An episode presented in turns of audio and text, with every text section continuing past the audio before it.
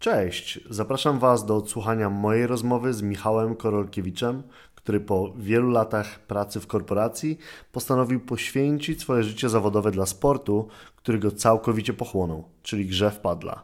W międzyczasie okazało się, że jest to jeden z najbardziej rozwijających się sportów na świecie. Michał stał się trenerem padla, pracował w znanym warszawskim klubie oraz komentuje ten sport dla kanalu Plus. Uważa, że w padla może grać każdy i chce innych do niego inspirować, co mu się świetnie udaje. To podcast Łukasza Bartosiewicza, w którym goszczę w tym odcinku Michała Korolkiewicza. Zapraszam. Stary, myślę, że możemy zacząć. W ogóle dobrze Cię mieć tutaj w Barcelonie. No. Nasza historia poznania też jest, też jest dobra. Poznaliśmy się na Interpadlu. W moim byłym miejscu pracy. W Twoim byłym miejscu pracy. E, swoją drogą właśnie. Chciałem Cię zapytać, wiesz, na ile możemy tutaj o nim mówić, czy, czy to jest jakby... Nie, znaczy jeśli chodzi o moje miejsce pracy i w jaki sposób się powiedzmy z nim rozstałem, no to nie mam problemu, żeby powiedzieć, że rozstałem się z nim po prostu przez to, że nie dogadaliśmy się z właścicielem. I to jest chyba wszystko, co... Spoko, spoko. Powinniśmy powiedzieć. Powiedziałeś, że masz zajebistą historię e, na temat tego w ogóle jak... No bo tak, będziemy na, na pewno większość rozmowy mówić o padlu mhm. i o, jakby jego fenomenie tak naprawdę, no bo gdzieś tam padel jest chyba najbardziej rozwijającym się sportem na świecie, w tym... E... Tak, znaczy generalnie to jest takie hasło, które bardzo dużo osób teraz powtarza, aczkolwiek ciężko jest znaleźć mega globalne statystyki, bo ciężko jest znaleźć globalne statystyki do, dotyczące wszystkich sportów, tak, ale jak się spojrzy na każdy kraj, albo jak się porówna chociażby tempo rozwoju padla w tym momencie do tempa rozwoju tenisa w jego piku, to padel obecnie rośnie wyżej. Więc to mhm. jest takie stwierdzenie, bo to też się bardzo popularnie używa, że padel to najszybciej rozwijający się sport na świecie, tak, ale tak. nie ma nigdzie żadnego fajnego pracowania dokładnie statystycznego, które by to potwierdzało. No ja widziałem po prostu na ścianie w Interpadlu tak. jest napisane jakby wiesz, jest hasło i to mi się wbiło, więc pomyślałem sobie, kurde, no to, ale jakby wiesz, czytając jakby różne jakieś e, wiadomości chyba w mhm. necie też, też, tak, też tak, tak, to jest, ale wiesz, jak się zgłębisz w, tę, e, w to zdanie, to ciężko jest znaleźć argumenty przeciwko, bo jakby faktycznie w każdym kraju, gdzie wchodzi, no to to tempo jest bardzo duże, ale jak, jak ktoś chciałby się przyczepić i powiedzieć, ej dobra, daj mi w takim razie suche liczby wszystkich sportów. Obecnie na świecie, które się rozwijają, no to nie ma takiego porównania, tak? No, no ale tak. ogólnie patrząc też nieliczbowo, jak patrząc na to, jak padel wygląda w każdym kraju, do którego wchodzi, no to myślę, że nie jest to powiedzmy zdanie, którego nie możemy używać w takim powiedzmy tak, slangu tak. albo mówiąc o padlu. Też pewnie, pewnie trudno jest jakby policzyć e, dokładnie liczbę e, uczestników. Dziś e, czytałem, że w padla gra chyba e, ile milionów osób na świecie? Z 12? Albo nie wiem, czy widziałeś Możliwe, możliwe znaczy, bardzo możliwe, bo w samej Hiszpanii szacuje się, że jest 6 milionów graczy. Tak? No Hiszpania jest największym rynkiem. Największym pewnością. rynkiem. Nie? Do tego dochodzi Argentyna, gdzie z tego co ja kojarzę w Argentynie według szacunkowych danych jest ponad milion, półtora ludzi, Meksyk i tak dalej, i tak dalej, więc no, szacunkowo myślę, że te kilkanaście milionów faktycznie w całym świecie by się, ze, by się zebrało. Tak. I patrzyłem, że się liczy pod względem e, zakupionych, liczby zakupionych jakby rakiet. O. Ale z kolei jakby, wiesz, jedna osoba może mieć też e, ja kilka 12, rakiet. Tak. 12 rakiet mieć? Ja przez swoje 5 lat gry. I co w domu masz dalej 12? Nie, większość z nich jest na śmietniku. Bo... A, okay. zostały roz, rozwalone. E, tak, no, uległy powiedzmy deformacji. To jest, to jest sport, to są jakby emocje, tak, zużywają się również. E, ale no to powiedz w takim razie, skąd w ogóle, e, wiesz, twoje, twoja pasja, jak się zaczęła twoja pasja do padla? Mm. Ja generalnie całe życie byłem związany ze sportem. Ja w wieku 8 lat zacząłem trenować piłkę nożną i przez 20, tak, przez 20 lat może nie trenowałem, bo powiedzmy karierę zawodową juniorską skończyłem w wieku 18 lat, 18 lat. No ale potem miałem jakieś, nie wiem, grałem w drużynach akademickich, na koniec w ligach szóstek, więc piłka nożna była całym moim życiem i to mhm. tak zupełnie serio, czyli typowy taki, typowy piłkarz entuzjasta, który gra w piłkę 4 razy w tygodniu, ogląda wszystkie mecze Ligi Mistrzów, nie wiem, Ligi Angielskiej, Ligi Polskiej i tak dalej, więc cały, cały czas spędzałem na, na piłce nożnej. Mm, dopóki nie wydarzyły się powiedzmy dwie rzeczy, które się nastąpiły dosyć równoległe. No pierwsza rzecz to była kwestia trochę moja indywidualna i moja ambicjonalna, że ze względu na moje chore ambicje sportowe, że tak powiem, piłka nożna przestała mi sprawiać przyjemność i, i stała mhm. się dla mnie dużym obciążeniem, bo każda gra, nawet z znajomymi w niedzielę, to było dla mnie ciśnienie, żeby zagrać na 120%. Okej. E, wiesz, psz, no, ambicja sportowa, która jest potrzebna do osiągnięcia sukcesu, ale Mhm. może niekoniecznie na poziomie ligi weekendowej w niedzielę, sobotami na Ursynowie.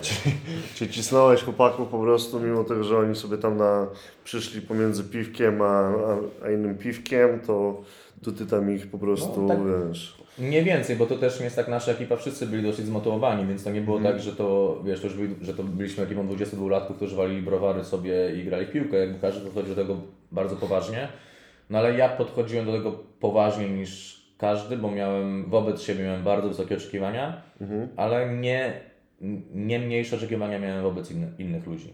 Więc dla mnie w pewnym momencie każdy mecz w piłki ze znajomymi to był dzień stracony po meczu, bo cały dzień potem no, wracałem z tą głową, z myślami, że po co darłeś mordę na tego, albo spójrz na siebie. No generalnie był taki duży na to Czyli myśli. szukałeś bardziej indywidualnego sportu dla siebie? Wiesz co, nawet nie. po prostu nie, bo to, to Nie mogłeś zupełnie... zaspokoić ambicji w piłce już. Tak, znaczy ja po prostu stwierdziłem, że niestety po 20 latach muszę w piłkę, bo na ten moment nie jestem w stanie sobie z tym poradzić i nie sprawia mi to przyjemności. Okej. Więc przestałem grać w piłkę, ale równolegle poznałem padla i to w taki sposób. Pierwsza z padla grałem chyba w 2017 roku, to była jakaś taka bardzo losowa gra ze znajomymi na kortach Mera, tam gdzie są dwa otwarte korty. No i wtedy tej zajawki jakoś nie złapałem. Ale rok później, tak jak mówię, i przestałem grać w piłkę i też co ciekawe, byłem w swoim ulubionym Amsterdamie, byłem na, na, na festiwalu i byłem umówiony z kumplem, że w niedzielę o 15 gramy w padla. No bo jakoś on akurat miał znajomych i że fajnie byłoby sobie zagrać, bo też z nim grałem rok temu.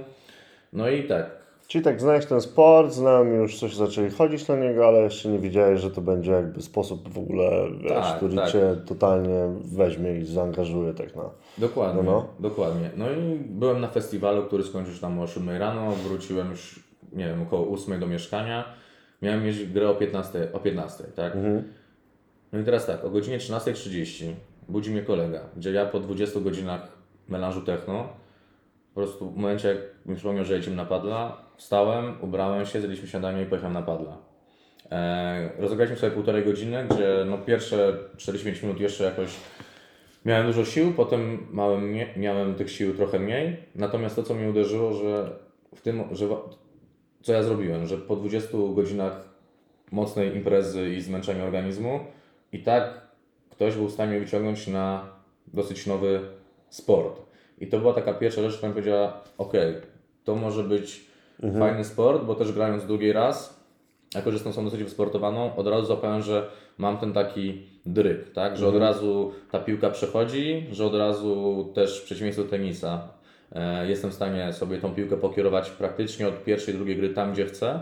Zobaczyłem, że no, potencjalnie to jest fajny sport, którym mógłbym się, mógłbym się na, dłużej, na dłużej zająć. No i wróciłem potem z Amsterdamu.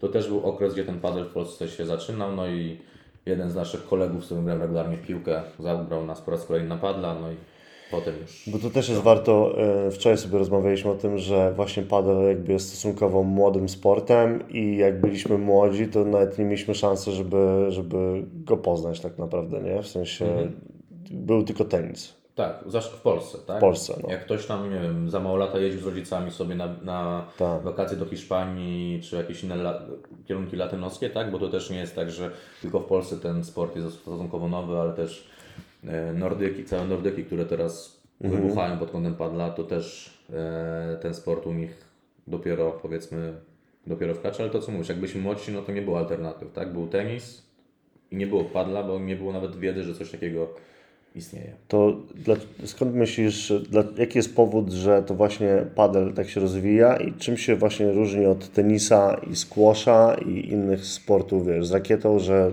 to, to jakby jakoś wybrało, że on po prostu nabiera takiego rozpędu, nie? E, Myślę, że to trzeba podzielić na takie dwa aspekty. Pierwszy aspekt taki mocno sportowy i techniczny, a drugi aspekt dookoła sportowy, czyli taki socjalny. Więc jeśli chodzi o taki aspekt techniczny, padel bije wszystkie sporty, jakie w życiu uprawiałem, barierą wejścia. Próbowałem wielu sportów, miałem podejście do tenisa, grywam w squasha, nie wiem, zrobiłem sobie zieloną kartę w golfie, więc jakby bardzo dużo tych sportów dotknąłem. żaden ze sportów nie powoduje, te, nie jest tak łatwy, żeby wejść i mieć przyjemność. Od razu jakiś fan tak, z tego. Jak padel. Jest to spowodowane kilkoma, jakby, jak, kilkoma warunkami tej gry, tak? Czyli Mhm. Nie to, że rakieta nie ma naciągu, więc ta piłka leci trochę, trochę lżej, to jest jedna Okej. rzecz.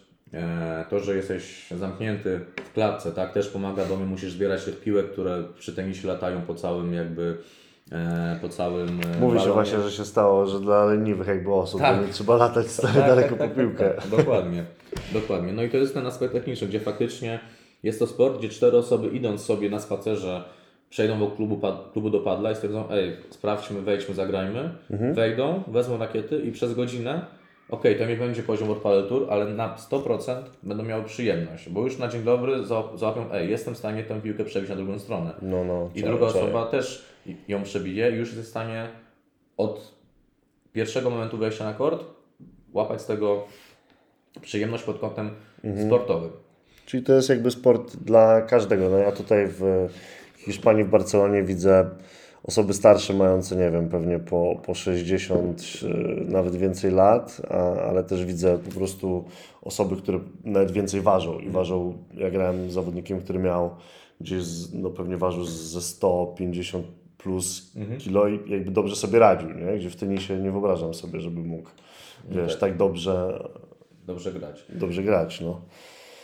E, no właśnie, padel to sport, e, może niekoniecznie będę się zgadzał z tym, że padel to najszybciej rosnący sport na świecie, aczkolwiek stwierdzeniem, że, że padel to sport dla wszystkich, to w 100%, bo jest to naprawdę aktywność dla osób, tak jak powiedziałeś, chudych, bardziej przytuszy, niskich, wyższych, starszych, młodszych, bez względu na, nie wiem, na wszystko, na wiek, płeć, jakby wygląd i tak dalej, aktywność fizyczną, tak?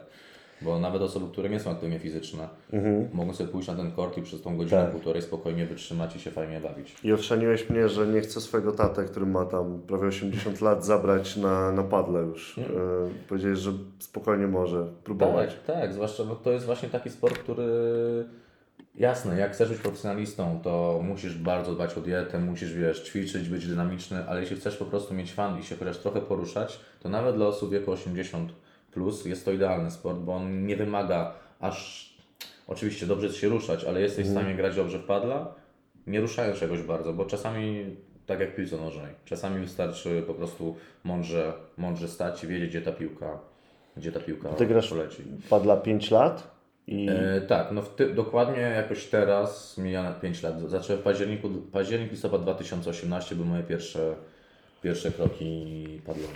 I twój ranking jest, czyli jakby myślisz, że można jakby tym rankingiem na Playtomiku określać, bo play, o Playtomiku sobie porozmawiamy jeszcze, bo to moim zdaniem jest aplikacja też, która jest fenomenem, podobnie jak sam padel, ale no właśnie, czy myślisz, że dobrze odzwierciedla, bo tam masz chyba 4-3? Ja mam na Playtomiku mam ranking 4,25, ale tak naprawdę mówiąc zupełnie szczerze, patrząc z perspektywy Polski, tak, gdzie głównie gramy, no ten ranking nie jest wymierny. Dlaczego? Ten ranking, zwłaszcza w tej aplikacji, pierwsza rzecz polega na ankiecie. Czyli polega na tym, że każdy robi swój assessment, tak? I oczywiście, że ktoś... I od tego by- się zaczyna. od tego się zaczyna. I to ci jakby generuje pierwszy poziom. I to już osoba, która powiedzmy gra w tenisa raz na dwa tygodnie od 10 lat, według tej ankiety będzie miała poziom 4,5. Bo jest byłym tenisistą, bo ma doświadczenie, ma doświadczenie z, z, teoretycznie ze sportami rakietowymi. No, ale jakby potem, no i teoretycznie taka osoba ma wyższy ra- rating ode mnie. Tylko, że z osobą, która dopiero wchodzi, mimo że nie jest zawodnikiem tenisowym, a osobą, która gra w tenisa, bo to też trzeba te dwie rzeczy też jakby rozróżniać. Z osobą, która gra w tenisa regularnie, ja wygram bez problemu, mimo że nigdy w tenisa nie grałem, a według aplikacji Playtomic mam ten rating e, niższy. W Polsce częściej korzystamy, żeby powiedzmy gdzieś tam się e, Jakoś, że tak powiem, określić poziom po prostu określić. z rankingu Polskiej Federacji Padla. Okej, okej. To żeby właśnie wytłumaczyć, bo Playtomic to jest aplikacja, na której e, można się zalogować, jest chyba najbardziej popularna, jeśli chodzi o, o padla i tam znaleźć e, mecz, znaleźć e, lekcję, znaleźć, e, wynająć kort. To jest trochę jak e, w szachach, e, tylko że w szachach w ogóle wygląda to inaczej, bo tam w szachach masz tak, że e, zakładasz sobie konto na przykład na chess.com albo tam liczysz i startujesz jakby od zera i jakby na podstawie tego, czy po prostu będziesz gr- grać długo i wygrywać, no to ten twój poziom będzie rosnąć, a w Playtomiku faktycznie ustawiasz sobie e, według ankiety i to cię gdzieś determinuje. No. Tak, dlatego to jest dosyć niewymierne i teoretycznie jest to aplikacja, znaczy praktycznie jest ap- aplikacja globalna, tak? Czyli ona funkcjonuje w wielu miejscach. Tylko, że teraz poziom 4.20, 4.40 w Hiszpanii nie będzie miał odzwierciedlenia przy poziomie 4.20, 4.40 w Polsce.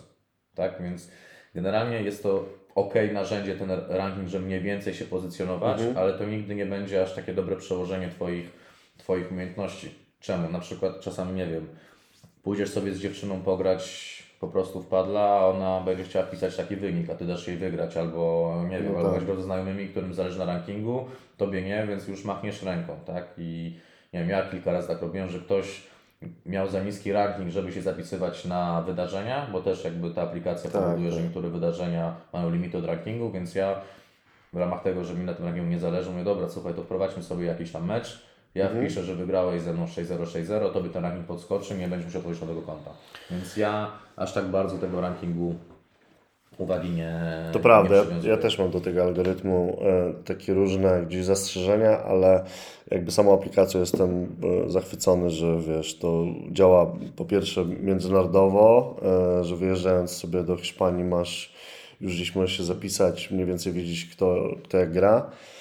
I to właśnie ten fakt grywalizacji tej platformy, że wchodzisz tam, żeby ten ranking był wyższy i to jest tak, że no, na przykład w szachach no to grasz y, na czeskomie i tam y, jakby od razu ci zapisuje, a to jest jakby połączenie rzeczywistości z, y, z, wiesz, z technologią, nie? że jednak grasz fizycznie, ale ten ranking jest, jest na tej apce. Więc, ale powiedz mi, okej, no to graliśmy e, wczoraj w Hiszpanii. Powiedz mi, jak, e, jak się czujesz grając w Polsce, jak się czujesz za granicą? Bo to też jest temat taki dosyć. e, Mówiliśmy o tym luzie, że wiesz, jakby tutaj jednak jest inne podejście. Myślę, że to jest widoczne od razu, nie? Jak to, jak to odbierasz? Tak, no generalnie mam wrażenie, że w obecnym stanie pies padel w Polsce i Hiszpanii to wciąż mówimy o trochę dwóch różnych, może nie dyscyplinach sportu, ale z tego co ja widzę będąc w Hiszpanii i czy teraz, czy będąc 4 lata temu tutaj też odwiedzając jakby e, kraj i grając padla, tutaj mam wrażenie padel jest bardziej takim, taką rzeczą lifestyle'ową, e, takim leisure time. Nie wiem jak to dobrze na polski przetłumaczyć, w sensie, że oczywiście są ludzie, którzy umawiają się na bardzo dużą rywalizację, ale mam wrażenie, że to też jest spowodowane, że tak powiem, grupą ludzi, która gra w padla, tak? No bo porównujemy 6 milionów w Hiszpanii do około 5-6 tysięcy w Polsce, więc to, to też musimy zwrócić uwagę, że tutaj stąd się mogą brać te różnice. To ogromna różnica Tak. jest. No. Ale w Hiszpanii większość ludzi gra w padla, żeby sobie miło spędzić czas. Czyli sobie, nie wiem, w sobotę o 10 mówią się na padla, grają półtorej godziny czy tam dwie, biorą tapasy, biorą kanie, czyli małe piwko, wypijają kawkę i siedzą dwie, trzy, cztery godziny. W Polsce natomiast to ten charakter też zaczyna powoli, powoli się pojawiać, tak? E, No i ogólnie padel powoduje to, że po meczu zazwyczaj nie idziesz od razu do domu. Zazwyczaj powoduje to, że chcesz jeszcze zostać, porozmawiać. Natomiast w Polsce e, mam wrażenie, że też w związku z tym, że bardzo dużo padlistów to są byli tenisiści, byli zawodnicy, gdzie jednak ta rywalizacja w tenisie jest dosyć mimo wszystko napięta, jako że jest to sport indywidualny i no, ludzie są przyzwyczajeni do turniejów, do rywalizacji, to na ten moment z mojej perspektywy charakter padla w Polsce jest mocno rywalizacyjny. Czyli nawet umawiając się na takie luźne gierki, mam wrażenie, że jest większy nacisk na sam wynik, a nie na dobrą zabawę. A To jest mega, właśnie- no, no, to jest mega w ogóle życiowe, bo mi się wydaje, że okej, z jednej strony masz byłych zawodników albo takich zawodników, którzy traktują ten sport profesjonalnie i faktycznie oni zawsze będą rywalizować ostro, ale ja na przykład zapraszam kumpli, którzy wiadomo, że oni też muszą mieć świadomość, że gdzieś tam po raz pierwszy, drugi, trzeci, dziesiąty grają i oni już są wkurwieni po, wiesz, po stracie punktu, nie? I nie traktują tego, jak mówisz, że to jest przy, dla przyjemności, nie? Tak, tak. I, I no to jest też coś, co dla mnie, jakby, tak jak już wspominałem, ja mam bardzo duże, nie powiedzieć, że problemy z ambicją sportową, bo to nie znaczy, są to poniekąd problemy, ale też uważam, że poniekąd dzięki temu sportowo jestem tam, gdzie jestem, bo też uważam, że nie grając tenisa i tak przez te 5 lat gry w padla muszę przyznać, że jestem zadowolony z poziomu, no to jest... e, z poziomu, na którym jestem, ale też widzę, że ja również w padlu przechodziłem ścieżkę, powiedzmy, też rozwoju e, mentalnego. Ja po roku gry w padla miałem swój pierwszy kryzys, gdzie chciałem przestać grać. Bo u mnie, u mnie wyglądało to tak, przez pierwsze 2-3 miesiące gry było tak, że widziałem, że jestem dobry, ale że rozpoczynam grę, no to dawałem sobie powiedzmy taki, powie, taką e, rezerwę, że nie wymagam od Ciebie dużo, bo jest to nowy sport i się dopiero uczę. Po 3-4 miesiącach zauważyłem, ok, idzie mi nieźle i skończyło się już jakby pobłażanie i zaczęło się wymagania, zaczęły się treningi, zaczęła się ambicja e, i zaczęło się niestety to, co miałem w piłce nożnej. Przychodziłem na trening ze swoim trenerem i ja nie byłem w stanie się zadowolić dobrym uderzeniem. Ja byłem zadowolony z idealnego uderzenia. I potem to samo na meczu. Zdobywałem punkt, ale nie cieszyłem się z punktu, bo w głowie miałem informację, jesteś w stanie zrobić to dwa, trzy razy lepiej i powinieneś to zrobić. I w pewnym momencie, po roku gry, po roku gry wpadla, wpadłem w tą spiralę tej samej mentalności, która zabiła we mnie miłość do piłki. Że ten progres nie był już taki szybko widoczny i... To tak, ale że wymagania względem siebie stały się, Mhm. Mówiąc po- prostu, nierealne, bo zacząłem od siebie wymagać czegoś, czego technicznie, fizycznie nie byłem w stanie uzupełnić, bo bez tego backgroundu tenisowego ciężko było mi progresować tak, jakbym chciał. Ale Mhm. niestety w mojej głowie, przy mojej ambicji, każdy trening, każda rzecz to było, musiałem pchać na 120% ambicje. Jak coś mi nie wychodziło, to się frustrowałem, przeklinałem, jakby okej, dawało mi to dodatkowego kopa, żeby jeszcze ciężej pracować, no ale też niestety, tak jak w piłce nożnej, to zbiera swoje Czyli żniwo. to jest też trochę o cierpliwości, w sensie, no bo Znaczy- jak sobie dasz gdzieś jednak więcej tego dystansu i więcej tej cierpliwości, no to będziesz mniej sfrustrowany po jakimś czasie, że coś tam nie, ci nie idzie, no bo rozumiem, że wiesz, ty jako wysportowany gość, grając tyle lat w piłkę, jednak no, łapałeś to i tak lepiej niż inne osoby, które nie miały takiej, wiesz... Tak, i też są właśnie pojawiły się coraz od razu te większe wymagania, no ale dzięki, na szczęście jakby mój ówczesny trener i mój obecny, czyli Władek Średniawa, który jest też e, trenerem reprezentacji Polski, też mi bardzo pomógł i jakby dostrzegł jakby sytuację, też z nim mówiłem dość otwarcie, że Wadziu po prostu mam taki i taki problem i czy jesteś w stanie jakoś mi pomóc, albo no myślałem nawet już o psychologu sportowym, żeby od razu to powiedzmy zabić w zarodku, ale powiedział mi jedną rzecz, to nie będzie łatwe, ale wychodź na mecz nie z założeniem zwycięstwa. Pomyśl sobie przed meczem, jaki aspekt chcesz poćwiczyć. Załóżmy, masz problemy z serwisem, załóż sobie na, przed wejściem na mecz, dzisiaj nie zepsuję żadnego serwisu i koncentruj się na tym. Tak? Staraj się odepchnąć głowę, umysł od wyniku. Tak? I faktycznie idąc powiedzmy tą, ścież, tą ścieżką, zaczęło być, zaczęło być lepiej. Natomiast tak naprawdę taki największy powiedzmy, przełom mojej mentalności padlowej przyszedł jakoś w tym roku, na przestrzeni ostatnich 12 miesięcy, gdzie no, trzeba było się niestety zmierzyć z prawdą, bo ja zawsze miałem bardzo duże ambicje, za, zacząłem grać, grać padla i widząc jak scena, scena padla rośnie, no gdzieś tam z tyłu głowy miałem chęć reprezentowania Polski, tak, bo jakby widziałem, że w tym sporcie jest, będzie troszkę łatwiej niż w innych, bo jest mniej ludzi, którzy grają, tak. E, tylko, że z takim założeniem, oczywiście chodzi o ambicja sportowa, no, tylko, że tak jak wspominałem, bardzo dużo tenisistów i byłych zawodników zaczęło wchodzić do sportu, co mnie zaczęło też bardzo frustrować, bo tak ja sobie trenowałem już 3 lata regularnie, jakieś tam zdobywałem sukcesy mniejsze czy większe, też się w tym rankingu powiedzmy Polskiej Federacji Padla i nagle przychodzą chłopaki o 11 lat młodsi ode mnie, tak, którzy kończą swoje kariery tenisowe No, i po jednym treningu z miejsca są lepsi ode mnie. I to mnie mega frustrowało, że bez względu na to, ile pracy włożę, nigdy nie będę w stanie jakby dojść do tego poziomu. Dlaczego? Bo 20 lat temu wybrałem piłkę nożną, a nie tenis. No tak, tak, tak, tak. E, I to było dla mnie ambicjonalnie bardzo ciężkie do przeskoczenia. Jakby pogodzenie się z tym, że bardzo chcesz, ale niestety nie będziesz. I to też chyba wielu chłopaków frustruje, bo jak rozmawiałem właśnie e, z chłopakami e, grającymi w padle, takimi, co reprezentują Polskę, to właśnie mówili, że teraz już nie wiedzą, czy będą w kadrze, no bo wraca coraz więcej e, tenisistów i wiesz, Bo w Polsce najlepszym chyba e, grającym w padla jest, co teraz były Mistrzostwa Polski.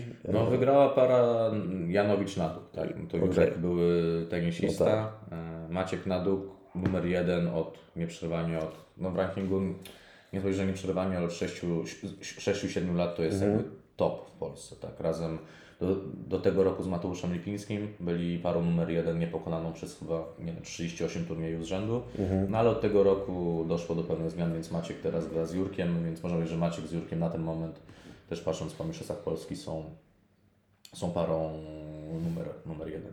I z kobiet, jeśli chodzi o kobiecy, kobiecy padel. Z kobiet na szczęście zaczęło się coś dziać. Bo Agnieszka Bo- Radwańska tak, też tak, gra. Bo od, na szczęście Agnieszka Radwańska i Marta Domachowska, czyli były profesjonalne Mhm. tenisistki, od tego roku zaczęły do padla podchodzić, e, grać regularnie, Mhm. a co więcej zaczęły podchodzić do tego też teraz, e, nie chcę powiedzieć, że bardzo profesjonalnie, Mhm. ale też zaczęły regularnie też e, trenować, biorą udział w turniejach i właśnie na Mistrzostwach Polski, które odbyły się w zeszły weekend, z, przegrały z naszą jakby główną parą Mhm. numer jeden od wielu lat, czyli Olą Rosolską i Zosią, Zosią Piórkowską. I te dwie dziewczyny, które wygrały, e, one są. Nieprzerwanie numerami jeden Ale one były lat. tenisistkami też, czy to już tylko. Tak, y, Ola Rosolska to jest siostra jeszcze aktywnej tenisistki Mhm. Alicji Rosolskiej, więc Ola jest bardzo znaną i tenerką i byłą profesjonalną tenisistką z wieloma sukcesami też na poziomie krajowym.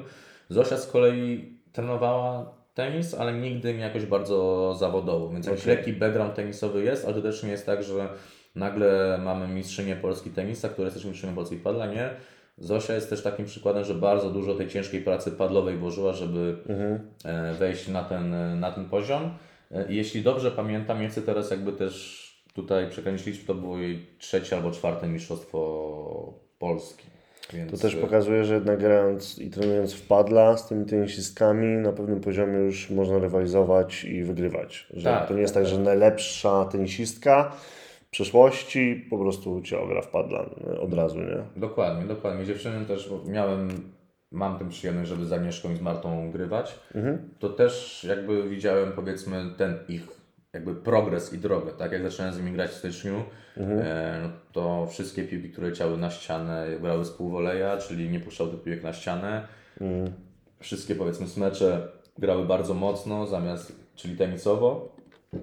E, ale z każdą kolejną grą, miesiącem i tak dalej, treningów i gry, coraz bardziej zaczęły łapać te wszystkie animozje padlowe i te różnice, tak? które no, no, dla, te, dla tenisisty puszczenie piłki na, na szybę jest bardzo nienaturalne, bo jeśli Aga Radwańska przez całe życie, jak, jak puszczała piłkę obok nogi, to był koniec punktu, to ciężko jej teraz nawet pamięcią mechaniczną nie dołożyć tej rakiety, bo całe życie w takich sytuacjach musiała dołożyć rakietę, albo musiała tą piłkę odbić zanim pójdzie za nią, więc też No dla, tak, nich, to jest dla inny- nich to jest odwrócenie inny czegoś, ruch. niektórych mechanizmów, które jakby trenowały przez całe swoje życie. To powiedz mi coś jeszcze o właśnie tej strategii, bo jak ja, e, no grając jakby całkowicie praktycznie amatorsko, ale już e, widzę, że czasami to e, nawet nie tyle umiejętności moje, jak operuję e, rakietą, ale sam fakt e, tego, gdzie stoję, w którym miejscu i jak się komunikuję e, z, ze swoim jakby partnerem, co mi mówiłeś wczoraj właśnie graliśmy, jakie to ma ogromne znaczenie. I, i też słyszałem właśnie od, mm, od Polish Hammer, e, jak rozmawialiśmy, czyli od Lipińskiego. Tak, od Mate- Mateusza Lipińskiego. Mateusza Lipińskiego, że on właśnie jakby jest świetnie gra. On, jak go oglądałem tam w Interpadu, no to wspaniale. Ale jak właśnie międzynarodowo mierzy się z, tymi, z właśnie z grającymi w padla, na przykład w Hiszpanii, no to, to na tym poziomie strategii on widzi ogromną różnicę, nie? Tak, padel jest sportem zespołowym. Bo gra się No tak, we, dwóch dwie oso- we dwie osoby, nie? Dwóch na dwóch, więc musimy to nazwać jakby sportem Mm. zes zespołowym. I to, co mówisz, o ile bardzo ważne są umiejętności techniczne, to Mhm. właśnie ta taktyka i to poruszanie się na korcie i dostrzeganie tych wszystkich e, e, zależności, tych jakby dziur, tych miejsc, gdzie można tę piłkę dograć, jest e, często nawet ważniejsze niż Twoje umiejętności, tak? Zwłaszcza na takim poziomie e, powiedzmy początkującym. Mimo, że nie jesteś dobry technicznie, ani nie potrafisz dobrze grać, to jeśli jesteś w stanie się dobrze ustawić albo dobrze zneutralizować taktycznie przeciwnika, to jesteś w stanie po prostu taki taki mecz e, wygrać. Dlatego kluczowe jest to, co wspomniałeś, komunikacja, żeby regularnie mówić, podpowiadać sobie, co się dzieje na korcie, gdzie powinno się zagrać piłkę, jak powinno się zagrać piłkę. I to jest też coś, e, no, to trzeba się uczyć z czasem, tak? Trenując, grając mecze i też oglądając, oglądając spotkania. Jedyne, co mogę jeszcze jakby dodać, że to jest właśnie ten aspekt, który zawsze mnie interesował w tenisie. Ja zawsze bardzo lubiłem oglądać tenisa, nigdy nie potrafiłem grać. I zawsze miałem właśnie wyczucie tego, oglądając tenisa, gdzie chciałbym tę piłkę posłać jak najefektywniej. No i potem grając w padla, jakby zostały mi te same powiedzmy, nie wiem, reakcje.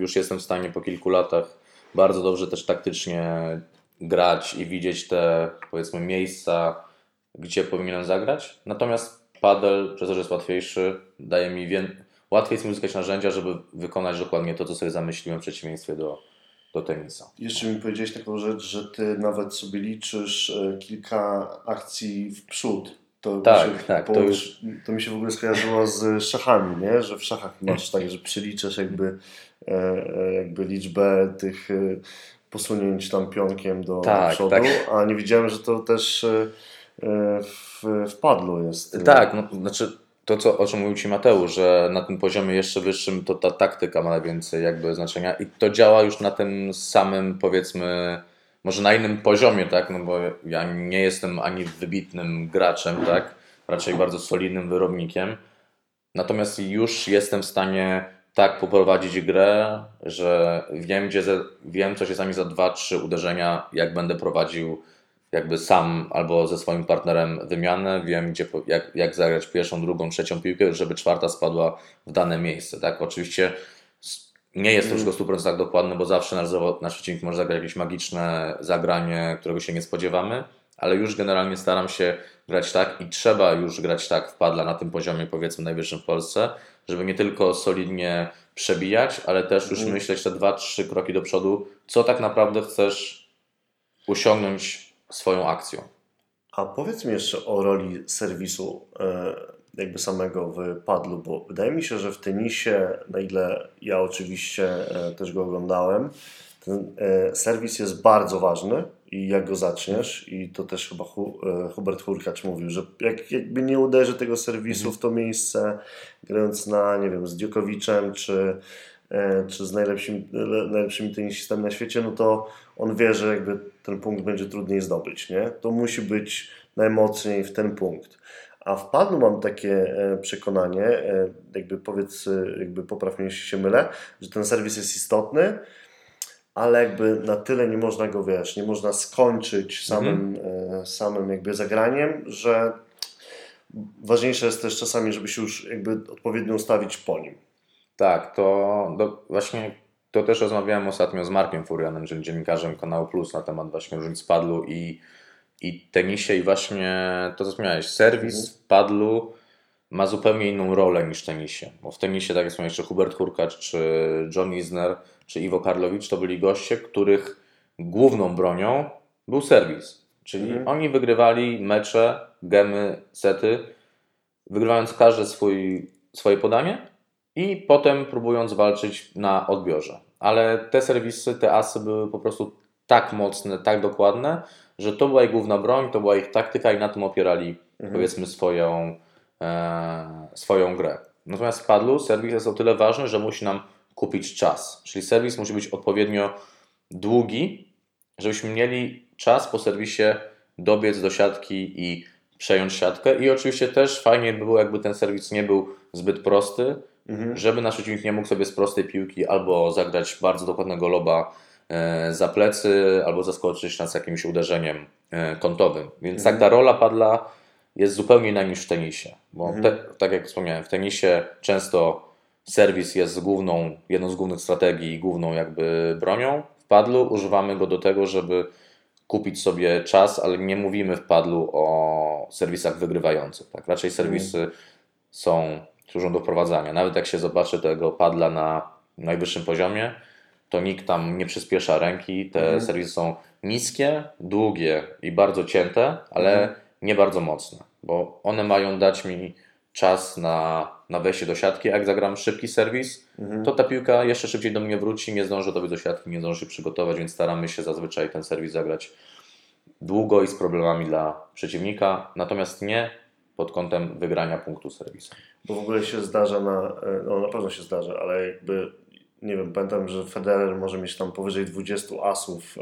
w, w meczu, No, Hu- Hubert, Hubert ponad 30-40 asów na mecz. ale on chyba jest najlepiej e, Hubert. serwisującym w ogóle zawodnikiem, jednym z lepszych No, Hubert obecnie tak, tak, tak, tak. Takie podanie e, dosyć, dosyć mocne, no to w padlu, bo ty też komentujesz w ogóle mecze Tak, i tak, turnieje w padla takie Tak, y, komentuję właśnie turnieje cyklu World Padel Tour i Premier Padel, czyli dwa największe, Mhm. powiedzmy obecnie, profesjonalne cykle, ale skomentowałem, nie wiem, z 15 meczów w tym Mhm. roku, 20. Nie przypominam sobie sytuacji, że był as serwisowy. Jeśli już dochodzi do asa jeden, serwisowego, no no. to nie jest on spowodowany dobrym serwisem, tylko Mhm. jakimś powiedzmy błędem, Błędem. po stronie tak, po stronie odbierającej. Gdyż przebicie serwisu to jest obowiązek padlu. Mhm. Jakby te serwisy, to co właśnie wspomnieliśmy, nie są na tyle mocne, że nie możesz stracić punktów, punktów No tak. returnych. Musisz tę piłkę na drugą stronę przerzucić. Nie wypada powiedzmy tracić punktów returnem. Tak, to są najbardziej frustrujące punkty, bo tak naprawdę masz przygotowaną pozycję, tak, jesteś dobrze przygotowany, więc powinieneś być w stanie umieć dobrze zareagować na Mhm. każdy, praktycznie na każdy serwis, więc mówiąc zupełnie szczerze, nie przypominam sobie, może to był jeden, Mhm. dwa asy, tylko tak jak mówię, to nie są asy serwisowe takie jak znamy je z tenisa, tylko są to po prostu, ewentualnie jak się pojawiają, to są spowodowane błędem odbierającego. Jak patrzysz też na młodych e, zawodników, czy mogę powiedzieć padliści? Bo to brzmi jak e, po Tak, prostu młodych. Ktoś, e, ktoś tutaj Młodych padł i nie powstał i był jakby e, wiesz, Mhm. e, trupem. Mi się jakoś kojarzy. Ale jak patrzysz na młodych e, padlistów, to myślisz, że mają szansę gdzieś rywalizować na najwyższym poziomie w przyszłości e, z tymi zawodnikami najlepszymi, e, no bo na razie to są chyba Hiszpanie, e, e, nie wiem, czy, czy zawodnicy, w ogóle kto jest twoim ulubionym e, padlistą na świecie? To jest bardzo ciężkie pytanie. W tym momencie, jak miał wybrać jednego, chyba Martin Dineno. Mhm. Bo jest to chłopak, który jest mojego wzrostu. Ma 1,70 m, Okej. 1,72 m. Co prawda gramy na innych stronach. Ja gram po Mhm. lewej stronie, on gra po prawej, ale no, prezentuje bardzo podobny styl gry takiego wyrobnika, który biega po korcie, dużo rzeźbi, stara się swojemu partnerowi, że tak powiem, wypracować klarowną sytuację do, do skończenia, skończenia piłki. Z Argentyny, z Argentyny. Z Argentyny. Jeśli chodzi o czołówkę, nawet nie o czołówkę, pierwszą setkę, to Mhm. myślę, że 80 czy nawet 90 miejsc w męskim padlu jest zarezerwowanych dla Hiszpanów i Argentyńczyków. Jak się spojrzy na historię Mistrzostw Świata w padlu, Mhm. to w padlu męskim, skoncentrujmy się na tym, żaden kraj poza Hiszpanią i Argentyną nie dość, że nie wygrał, ale też wydaje mi się, że nawet nigdy nie był w finale tej imprezy. Wiem, że w padlu kobiecym chyba Portugalia albo Brazylia miały jakieś Mhm. tam sytuacje, gdzie udało mi się tam dojść do finału, czy nawet wygrać, ale w padlu męskim to jest dominacja Argentyńczyków i Hiszpanów. Tak, i w Mistrzostwach Świata, i właśnie we wszystkich cyklach czy rankingach. No, a wracając do tego pytania, czy Mhm. nasi młodzi mają szansę dojść do tego poziomu? Jak miałem powiedzieć, teraz w tym momencie nie ma żadnych szans, nie dlatego, że mają mniej talentu, Przez skalę po prostu. przez nie? skalę, tak? Mhm. Jakby dzieciaki w Hiszpanii rodzą się i idą na padla, Mhm. tak? Mają jakby w każdej małej mieścinie, w każdym mieście, wsi i tak dalej, Mhm. masz korty do padla, masz szkolenie, tak? Stricte padlowe. U nas to szkolenie padlowe dopiero w tym roku zaczyna się jakoś fajniej kształtować, fajniej zmieniać. Powstają bardzo fajne Mhm. jakby e, powiedzmy szkółki prowadzonych Mhm. trenerów, jak e, nie wiem, MS Academy, to też e, jest właśnie taka akademia mojego trenera Władka Sierniawa i Marcina Maszczyka, którzy założyli jako dwaj bardzo doświadczeni trenerzy tenisa i od 10 lat gracze padla i również trenerzy założyli swoją taką powiedzmy pierwszą nie wiem, czy można powiedzieć profesjonalną, ale Mhm. taką akademię, gdzie właśnie mają dużo fajnych kursów, kursów instruktorskich, czy też kursów dla samych graczy. Natomiast to wciąż jest taka polska szkoła tenisowo-padlowa, poparta jakby też kursami, bo e, panowie Mhm. robili sobie też kursy w Hiszpanii, więc poparta jakąś tam wiedzą z Hiszpanii. Natomiast na ten moment jeszcze ta cała inf- infrastruktura, e, właśnie rozwój i też ta baza zawodników, zwłaszcza tych najmłodszych, Mhm. jest znikoma, więc jeśli będziemy mogli kiedykolwiek mówić o tym, żeby nasi zawodnicy próbowali dochodzić do tych najwyższych, no to mówimy, nie wiem, jeśli miałbym jakby szacować z głowy, to jest przynajmniej 10-20 lat, żeby dojść do poziomu, który mógłby pozwolić nam jakby dochodzić do dalszych rund. Bo teraz jak sobie spojrzymy na naszą najlepszą parę, e, czyli Jurka z Maćkiem, Mhm. Panowie grali już kilkakrotnie w eliminacjach do tych największych turniejów i zazwyczaj kończy się to na pierwszej, drugiej rundzie, gdzie Mhm. dostają po prostu parę z Hiszpanii, Mhm. która powiedzmy jest dwusetna albo setna i czasami, mimo że panowie ostatnio już nawet takie pary zaczynają pokonywać, więc w przypadku Maćka Jurka te różnice zaczynają się zacierać, Mhm. natomiast jeśli do, dochodzą już do kogoś z pierwszej setki, no to te różnice są jeszcze, jeszcze za duże. Te różnice w przeniesieniu, no w przypadku Jurka, tak? Jurek Mhm. Janowicz już super sobie radzi padlowo, ale wciąż jego głównym sportem całe życie grał w tenisa. No tak. Więc mimo bardzo dużych zalet, które wykorzystuje i które też zagraniczni komentatorzy, jak widzą Mhm. Jurka, to właśnie bardzo pieją z zachwytu albo też skomentują te jego bardzo mocne smecze, tak? Mhm. No to wciąż cały czas ci ludzie, którzy grają w padla nie od, nie wiem, 5 lat, tak, tylko od 20 regularnie Mhm. trenują, no to tutaj mają tę, tę przewagę.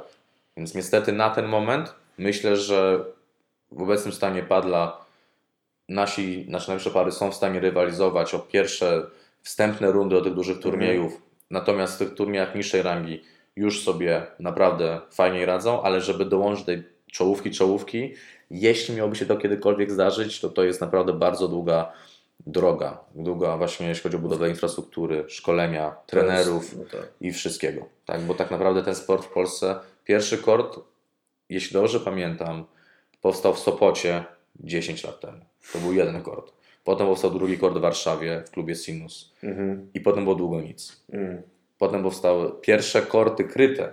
Tak? Mhm. Weźmy pod uwagę, że no w Polsce pogoda dopadla, jest zgoła inna niż w Hiszpanii. Pierwsze korty kryte powstały w 2016 roku, czyli 7, 7 lat temu. Mhm. Czyli tak naprawdę, jeśli mówimy o rozwoju dyscypliny padla w Polsce, no to może musimy mówić o tym okresie 7-10 lat, tak? gdzie te pierwsze 3, gdzie 3 lata to było granie na zewnątrz, granie nawet, panowie mówili, że wiesz, grywanie w zimę, odśnieżanie kortów, tak? Dosłownie. Serio? Tak, tak, chłopaki. I to wiesz, i to, wiesz, i to Ju- Jurek. Janowicz z chłopakami, wiesz, i całą ekipą z Kubą Słowińskim, nie Władkiem Średniawą i tak dalej, czyli całą naszą powiedzmy Mhm. e, no jakby teraz kad, kad, kadrą tak e, Polski. No jak trzeba było, była duża zajawka gry, a jak padał śnieg, jak trzeba było zagrać, no trzeba było odśnieżyć kort i grać w bluzach i to się działo. I panowie No, po prostu łupali no. nawet, nawet w takich, w takich warunkach. Nie, ale ta pogoda ma na pewno też znaczenie i jakby to widzę właśnie, że no my tracimy gdzieś pewnie pół roku, jak nie, no nie, no więcej może nie, ale pół roku właśnie pogody, a tutaj w Hiszpanii mają tą pogodę jakby codziennie i nawet się nie muszą zastanawiać. No to plus, y, plus jak mówisz też y, liczba kortów, a taki kort też y, nie mało kosztuje, no bo to jest chyba, żeby też rozmawialiśmy o tym, żeby otworzyć, żeby po prostu zbudować jeden kort, to chyba to może być nawet w okolicach 50 tysięcy, ale to już chyba maks, nie? To zależy. Jakby te takie. Ostatnio wyszedł taki bardzo fajny nowy kort firmy Padel Galis. To jest taka firma, która buduje korty dla World Padel Tour. Mhm. Bardzo w nowej technologii, z super fajnym takim oświetleniem LEDowskim. To ten nowy kort kosztuje około 50 tysięcy euro. Natomiast w związku z tym, że są kraje takie jak Szwecja, gdzie był bardzo duży boom padlowy, jeszcze 3 lata temu przed, COVID, przed pandemią COVID, powstało bardzo dużo klubów padlowych, które rosły jak po prostu Mhm. grzyby po deszczu, tak? Bo też w Skandynawii jest trochę mniejszy problem z kapitałem do pozyskania niż w Polsce, żeby coś takiego postawić, więc tych klubów powstało bardzo, bardzo dużo. Mhm. Był duży hype, ale od dwóch lat Szwecja boryka się z tym, że ten hype już Mhm. jest nadal wysoki, ale podaż przerosła popyt, więc korty niektóre stoją korty puste. stoją puste. No i Mhm. co robią właściciele? Zdecydują się decydują się na sprzedaż. Więc kupno takiego kortu używanego, to już wtedy ten kort jest, ten koszt jest około niższy. Czyli Jesteś- można kupić taki używany kort Możesz i przewieźć kup- sobie do, Dokładnie do tak. Polski. Możesz sobie, i są firmy, które się zajmują, możesz kupić, wiesz, czy ze Szwecji, czy wiem, że nawet Chińczycy teraz robią swoje korty do padla i możesz, Wiadomo, możesz je kupić. Okazja. Co prawda nie na AliExpress, ale myślę, że na inny AliExpress, tak, tak, tak. Zamówić. I wiesz, i wtedy ten kort tego, koszt tego kortu jesteś w stanie używany fajny kort Mhm. znaleźć za około 60 tysięcy złotych razem z murawą, tak? Okej.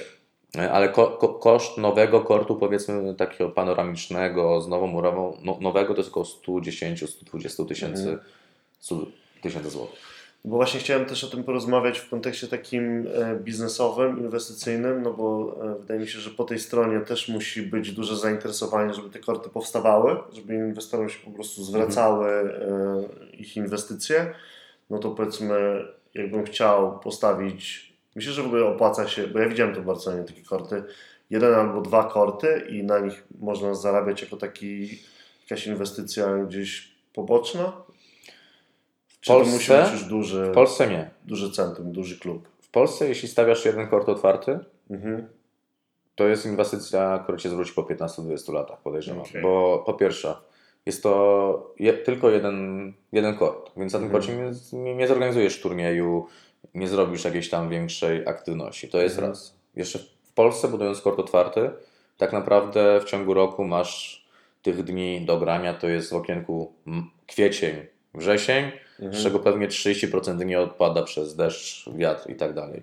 Ale mogę go postawić w jakimś e, hangarze, w sensie po prostu... No tak, możesz to zabudować, ale wtedy takie koszty zadaszenia kortu, tak, to jest około powiedzmy, zależy w jakiej technologii, pewnie około od 180 do 250 tysięcy złotych. Mhm. Czyli masz powiedzmy wstępną inwestycję na jeden kort około, nie wiem, 400 tysięcy złotych, 450, e, który będzie Ci pracował, tylko że przy jednym korcie ten zwrot z inwestycji będzie znacznie, znacznie mniejszy. Tak? No to jako inwestor pewnie 15 lat nie chciałbym czekać. No Dokładnie, fajnie, to nie jest atrakcyjne. 5 lat może powiedzmy, żeby to już mi się zwróciło, nie?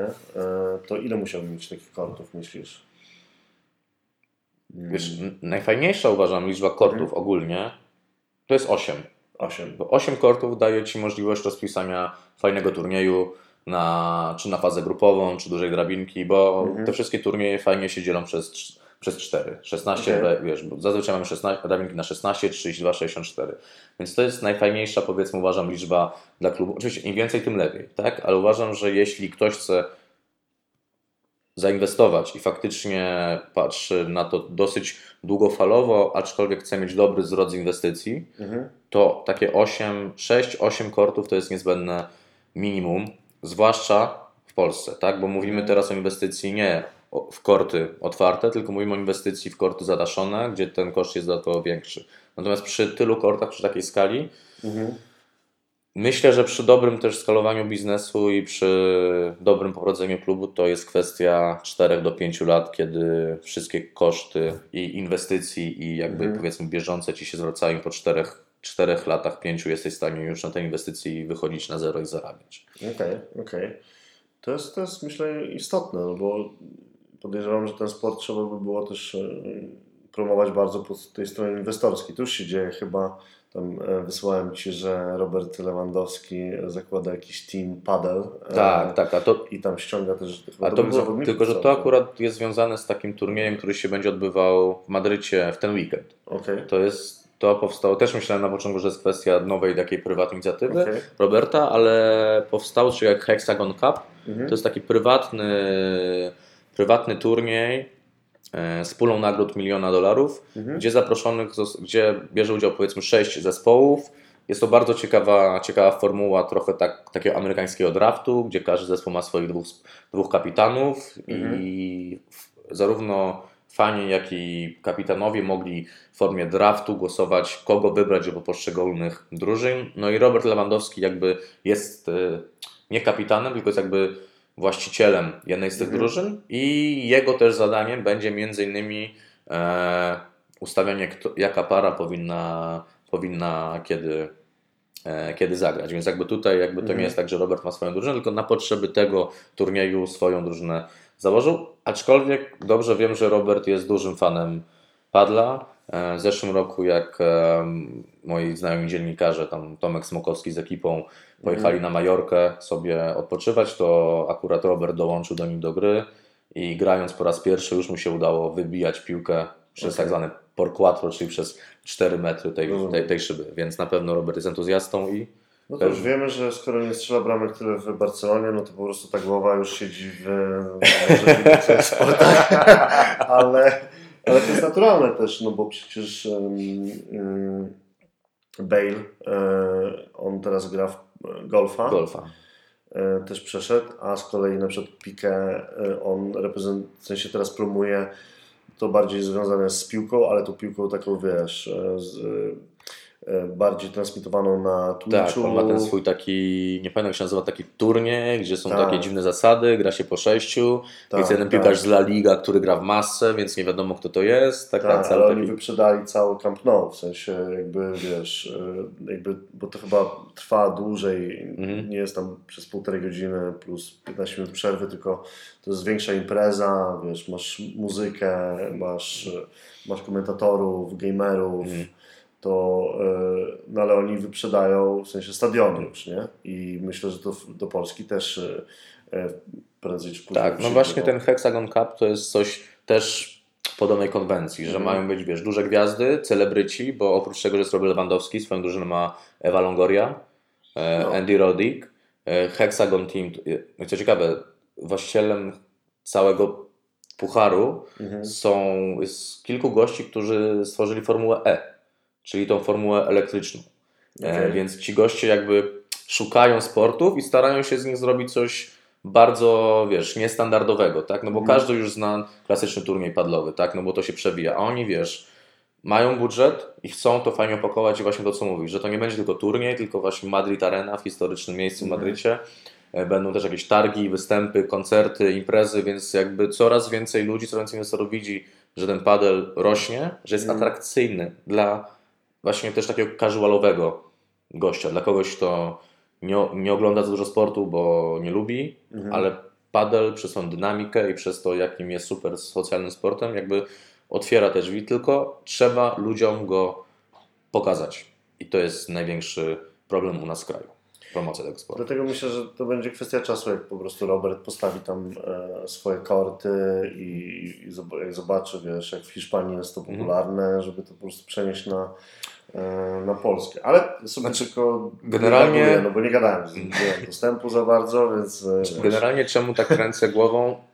Gdyż z tego, co ja już powiedzmy się dowiedziałem i rozmawiając z różnymi ludźmi, którzy mhm, chcieli inwestować albo będą inwestować, albo już inwestują, mhm, no niestety zakładanie, budowanie czegokolwiek w naszym kraju jest bardzo, bardzo uciążliwe przez no, pozwolenia, drogę formalną, przez wszystkie humory urzędników, okej. którzy jednego dnia będą chcieli ci podpisać pismo, a drugiego dnia nawet go nie przyjmą, więc jakby Mhm. to też nie jest tak niestety. Na doświadczeniu jakby różnych znajomych wiem, że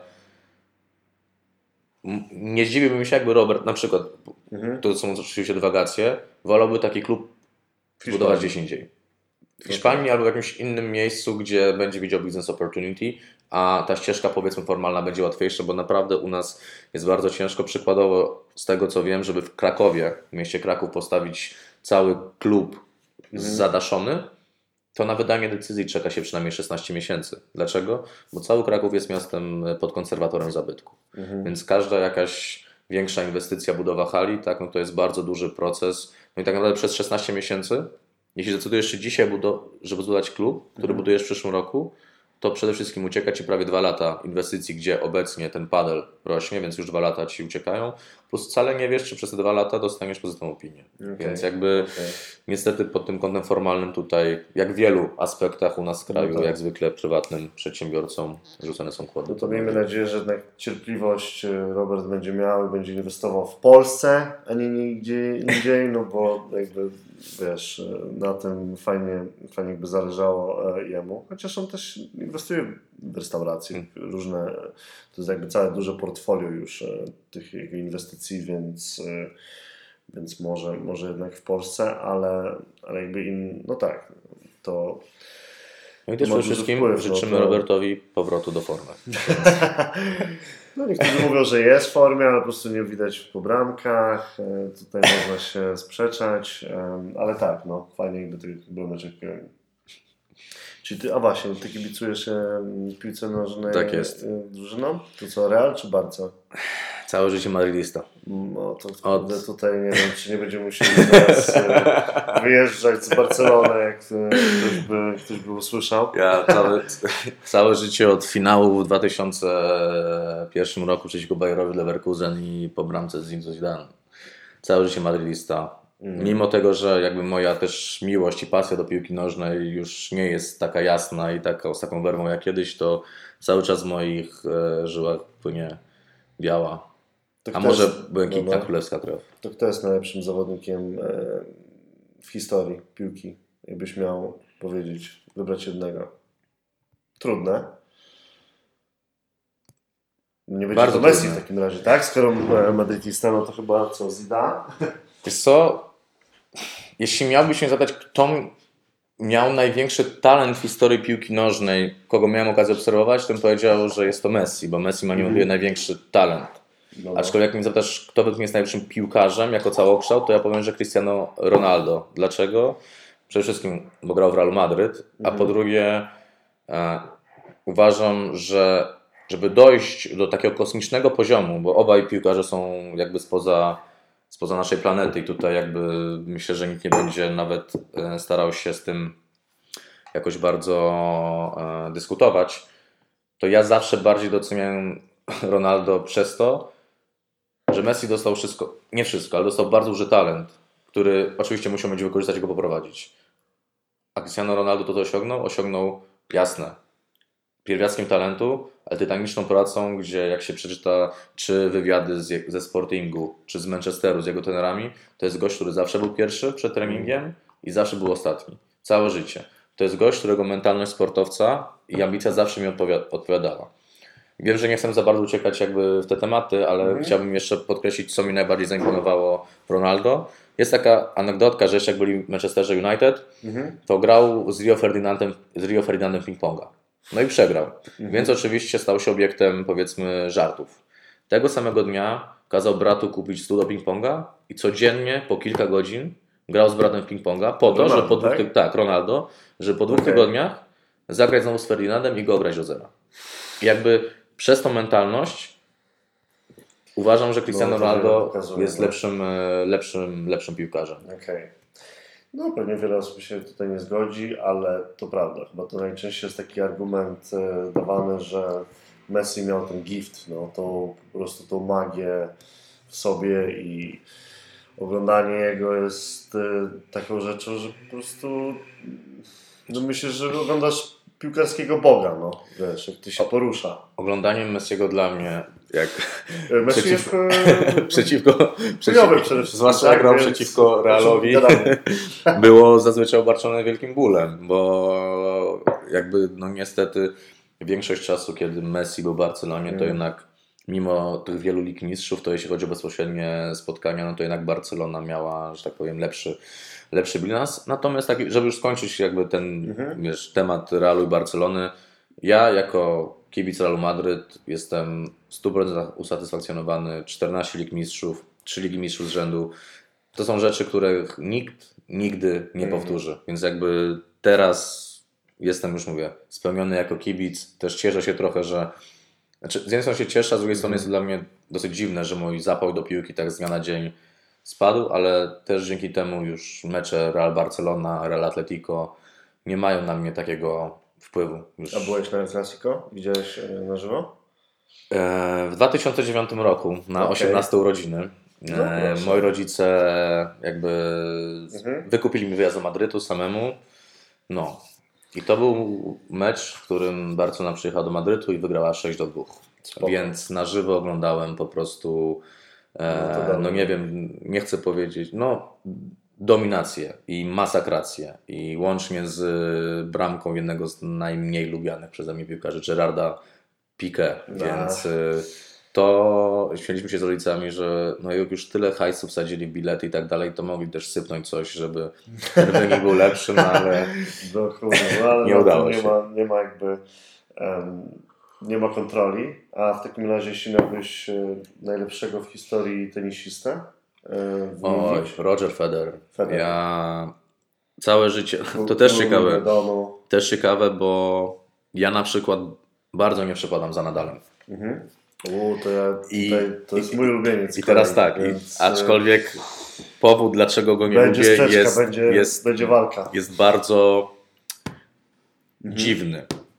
Bo generalnie ja jako madrydista powinienem uwielbiać Nadala. Rafa Nadal jest socios Realu Madryt. Jest jednym z, klub, z członków klubu, tak? Okej. E, pojawia się na meczach. Jakby obnosi, mimo że sam jest z Majorki, przez co wielu Hiszpanów, wbrew pozorom, tutaj ma do niego uraz, że jest z Majorki, ale identyfikuje się z Madrytem. No tak. E, Więc jakby Rafa Nadal, no i też ma zacięcie, jakby ambicje sportowe, ma wszystko, co w mojej głowie powinno mi imponować. Mhm. Natomiast, jak już wspomniałem, dla mnie zawsze numerem jeden był Roger Federer. Mhm. I w 2007 albo 2008 roku, nie pamiętam teraz dokładnie, chyba 2008, był finał Wimbledonu Federer Nadal. I gdyby Roger wygrał ten finał, przegoniłby Bierna Berga e, w liczbie czy ilości wygranych turniejów Wimbledon pod rząd. Po chyba 4-godzinnym meczu przegrał z Nadalem. I fakt, że Nadal wtedy zagrał Roger, zabrał Rogerowi szansę na bycie tym jedynym, tak bardzo mnie zeźlił, że przez całą karierę Nadala nie byłem w stanie naprawdę, mimo tego, że wszystkie jakby jego charak- cechy charakterystyk, cechy charakteru i tak dalej, Mhm. nie byłem w stanie dać go sympatią, dlatego że w tym jednym meczu Rogera, którego kochałem, Mhm. ograł. Więc to jest, mówię, powód jest, to bardzo. Antypatia po prostu. Tak, to jest, E, ten, tak okej. można to tak nazwać. Rozumiem. E, No dla mnie, ja czytałem ciekawą e, książkę bardzo o właśnie sportowcach i co determinuje na końcu o jakby właśnie e, tym czynniku sukcesu albo zwycięstwie i na przykład urzekło mnie w Nadalu to, że on był bardzo wszechstronny i zajmował się różnymi sportami i wiesz, jest, są te filmiki, jak on świetnie gra w piłę, e, Mhm. w ogóle jak tam wiesz, strzela bramki, E, a z kolei po drugiej stronie był e, pokazany Tiger Woods, że on tylko grał w golfa i nic innego. Mhm. I jakby ta dla mnie historia jest bardziej inspirująca, kiedy, kiedy wiesz, zawodnik jest uzdolniony, wszechstronny i to podobno właśnie Nadala schowało, że on nie był tylko sfokusowany na, e, na tenisie, tylko, tylko robił różne rzeczy. No ale miał na pewno problem z kontuzjami, no i to go, to go gdzieś e, to mu pokrzyżowało. No. A Djokovic to po prostu maszyna, nie? To jest tak jak, jak Ronaldo w piłkę, nie? Tak, Djoko, Po prostu maszyna. mimo, mimo tego, że no obecnie nie cieszy się dobrą opinią przez, y, przez to, że na przestrzeni ostatnich 3-4 lat bardzo dużo powiedzmy kontrowersyjnych e, tez i zachowań z jego Mm. strony, to dla mnie po odejściu Rogera, gdzie e, w zeszłym roku jak Roger skończył karierę, to czytając posta Mm.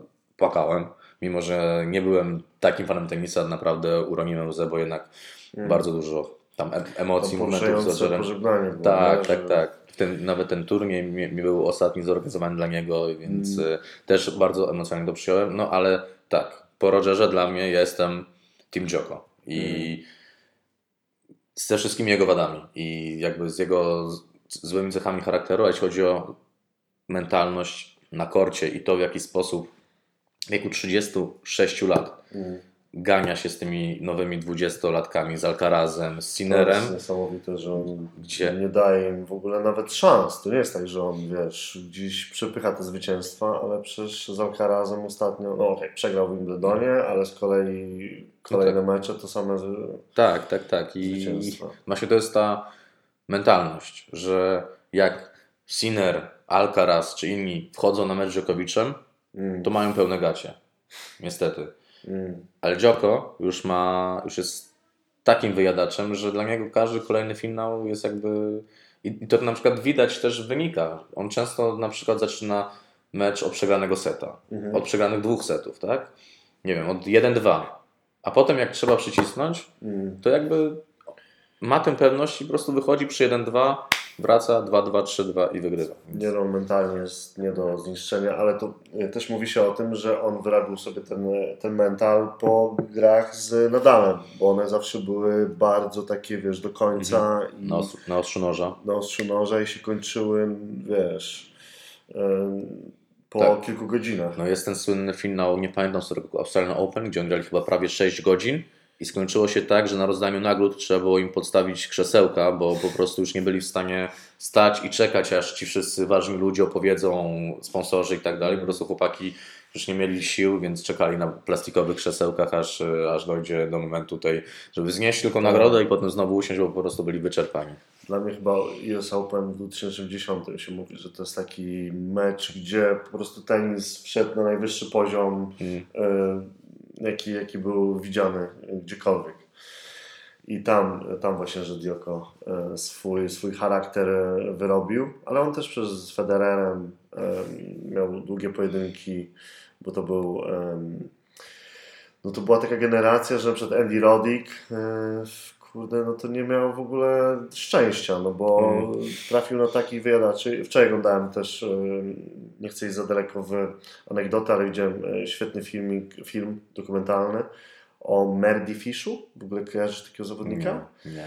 On był, on jest z Ameryki, podobnie jak Andy Roddick, ale Andy Roddick był zawsze jakby tym najlepszym e, ze Stanów.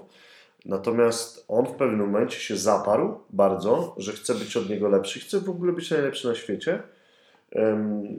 Poświęcił wszystko e, tenisowi do tego stopnia, że wiesz, jedzenie, e, oczywiście dietę, e, wiesz, porzucił przyjaciół, nie miał kontaktu z niczym, totalnie all-in, zagrał w tenisa żeby jednak, jednak dogonić tą, tą czołówkę.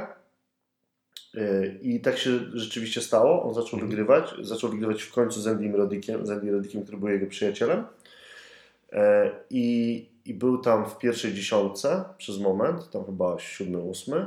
E, Był w turnieju, w tym chyba World Tennis Tour, taki, że masz tych 10 zawodników, oni między sobą grają. Finals to Finals. Masters, Masters, Masters. Finals, że tam oś, ośmiu najlepszych graczy Tak, e, z tak. sezonu gra w turnieju na koniec. I miał mecz e, właśnie w US Open, czyli u siebie w domu. E, doszedł do ćwierćfinału, miał zagrać z Federerem e, swoją Mhm. drogą, ale stary mecz wcześniej grał już na totalnym burnaucie, w sensie miał wypalenie takie anxiety, czyli takie niepokoje całkowite. E, pół meczu zagrał, powiedział, że nie pamięta i wycofał się z meczu z Federerem. Gdzie wiesz, on do tego dążył przez te, przez te swoje wyrzeczenia, przez to, że no tak się nakręcił, że psychicznie nie, da, nie dał rady i w tym kulminacyjnym momencie odszedł z tenisa na lata. I jego Mm. e, psychiczne zdrowie musiał sobie je odbudowywać, wiesz. E, leżał w domu, wiesz, jakby tam tylko kontakt z najbliższymi przyjaciółmi, którzy e, go właśnie mu pomogli, ale, ale wiesz, e, odszedł w takim swoim prime. Też mówił Andy, Rod- Andy Roddick, który jest jego przyjacielem, że on, e, on odszedł z kolei z tenisa, kiedy już czuł, że Mhm. już powoli tam nie daje rady, mimo że i tak wcześniej w miarę, bo tam 30 lat miał, no to, to Merdy Fish e, wytrenował się do prime, ale jakby po prostu się zajechał. Nie? No, no to Bardzo To fajny dokument, ciekawe. polecam. E, Nie wiem, czy, czy, czy masz jakieś takie właśnie... Oglądałeś break, Breakpoint? Serio? Tak, ja- e, ogólnie jestem, wydaje mi się, fanem tych wszystkich, powiedzmy, seriali, które pokazują sport od podszewki. Dla mnie jakby mistrzostwem jest Drive to Survive, gdzie ja lubiłem Formułę 1, jak jeździł Robert Kubica, ja się interesował, interesowałem. Ach, Potem, no. potem miałem przerwę, ale właśnie po Drive to Survive złapałem zajawkę, oglądam Mhm. wszystkie wyścigi i tak dalej. Tak samo wszystkie seriale związane z wejściem od kuchni do zespołów piłkarskich, czy do NFL, NBA. To mi się podobało, natomiast Breakpoint obejrzałem półtora odcinka i mnie zanudził. Mhm. Nie wiem czemu, mam wrażenie, że moje oczekiwania trochę były inne, a może też sam fakt tego, że Drive to Survive nie masz tylko zawodnika, masz team, masz zespół, Tak, jakby masz, tak. anim, masz jakby połączenia między zespołami i tak dalej, a tu ten, masz odcinek o zawodniku lub dwóch i ciągle masz Mhm. jednego, historię jednego zawodnika i nie do końca mi ten serial podpasował, mimo że jestem również fanem tenisa, ale po dwóch Mhm. odcinkach jakby zrezygnowałem, bo ta koncepcja do mnie po prostu, po prostu nie, nie, przem- nie przemówiła. Mi się podobał, ponieważ odkryłem innych tenisistów, no bo w tenisie, no zresztą podobnie jak w innych sportach, no zwycięzcy biorą na ogół wszystko i o nich się mówi i oni zarabiają najwięcej. Rzadko się e, poznaje tych, wiesz, gdzieś tam kolejnych Mhm. e, w, w rankingu i to mi się podobało, bo właśnie oglądałem o Matteo Beretti, Berettini, Berrettini. Berrettini. E, więc mogłem e, też, e, też o nim poznać, ale faktycznie, no ten tenis jest pewnie po prostu nudnym trochę sportem do wykonywania, nie? W sensie, że dla to mnie jakby mega em, też jakoś, nie wiem, czy e, no, po, takie poważanie mam, że oni się po prostu nie nudzili, w sensie, że wiesz, no całe życie jednak jak mówisz, Formule 1, no masz e, kwestie takie techniczne, sam, samochód, jak on, wiesz, e, się prowadzi, wiesz, e, ja znam znajomego, który sam złożył samochód w ogóle e, e, osobiście, e, ale wiesz, to jest jakby bardzo złożony sport, a tenis de facto nie jest. Jesteś nie? sam. Jesteś sam. Jest- Jesteś ty, Mm, twój trener, twój fizjo, mm, twój psycholog. tak. Twój psycholog. I przez 15 lat, przez 300, nie wiem, nie wiem ile, 50 Mm. dni w roku, jesteś praktycznie sam z częścią tych ludzi, Mm. nie? Więc e, no, też ten sport, dlaczego te, dlatego też ten sport jest taki powiedzmy ciężki i też sporo tych właśnie młodych graczy w padle, o których wspominaliśmy na samym początku, tak? Mhm. z którymi rozmawiam. E, rozmawiałem z Wojtkiem Szczęsnym. Nie mylić Mhm. z Wojtkiem Szczęsnym z Juventusu, to jest też taki no, bardzo z- wznoszący obecnie talent. Teraz Mhm. e, czwarte miejsce na Mistrzostwach Polski z Albertem Chudym w parze, więc bardzo dobry wynik. Okej. I on mi powiedział wprost, że wiesz co stary, ja już pod koniec trenowania Mhm. zawodowego ja żygałem tenisem. Naprawdę, ja w pewnym momencie już zacząłem nienawidzić ten sport. Mhm. Ale poszedłem na padla i znowu odzyskałem fan ze sportów rakietowych. Okej. I to nie jest jedyna osoba, która, o, o której, którą słyszałem, że ma podobne podejście, że Mhm. dla tych zawodników, którzy poświęcili, no, poświęcili całe życie, żeby, bo to, to jest codziennie x godzin treningów, rano trening, po południu trening, wiesz, wyjazdy e, i to, co mówimy, mówiliśmy, jesteś sam cały czas, tak, ty, twój trener, ewentualnie jakieś tam osoby, że tym ludziom też ten sport po prostu obrzydł. Mhm. Po całe życie właśnie, wiesz, stawanie, uwalone buty w mączce, Mhm. wiesz, chodzenie po piłki, to wszystko staje się bardzo uciążliwe w pewnym momencie i powoduje, też znam osoby, które powiedziały mi wprost, ja grałem w tenisa nie dlatego, że lubiłem ten sport. Mhm. Ja grałem w tenisa, byłem w to dobry. Mhm. A z racji tego, że byłem, to dobry, y, byłem dobry w ten sport i widziałem potencjał, to w to szedłem, bo była szansa, że zrobię karierę. Ale nigdy nie powiem, że kochałem tenisa, bo nie. Mhm. Robiłem to, bo byłem naprawdę, tak jak mówię, dobry, wygrywałem, ale nigdy tenis nie był moją miłością i pasją. A teraz te osoby przychodzą na padla i są zawsze uśmiechnięte i, i, i podkreślają. Padel daje im radość, której tenis przez całe życie tak naprawdę nie przyniósł. Czyli uważasz, że jak oni by zaczynali od padla, to e, po tych latach dalej by mieli, e, jest szansa, żeby dalej mieli e, tą pasję, no bo wiesz, chyba cokolwiek uprawiasz przez tyle lat, 20, no to w pewnym momencie dochodzi do takiego stopnia, że no już jesteś e, jakby wiesz, e, no wyczerpany czymś, nie? Myślę, że z padlem jest szansa, że po prostu... Wiesz, to trzeba było zapytać kogoś, kto gra 20, trenuje No 20 tak. lat. Natomiast Mhm. Jest jeszcze, wracając też do tych różnic, ten aspekt społeczny padla, który uważam jest tutaj takim Mm. pierwiastkiem, który oddziela padlo od wszystkich innych sportów. Mm. Padel jest sportem, gdzie w trakcie meczu, nawet jak grasz na wysokim poziomie, jak przeciwnik zagra kosmiczną akcję, Mm. to bijesz mu brawo z uznaniem. Ja przez 20 lat gry w piłkę, jak mój przeciwnik strzelił bramkę z 25 metrów samo okienko, nigdy w życiu Kurde. Nigdy w życiu nie myślałem o tym, żeby mu bić brawo, tylko myślałem o tym, żeby w kolejnej akcji wjechać mu w nogi. Żeby pokazać, że to był ostatni Dokładnie, raz, kiedy strzelił taką bramkę, a na pewno przeciwko mnie. To jest ta różnica. Więc no. Mm.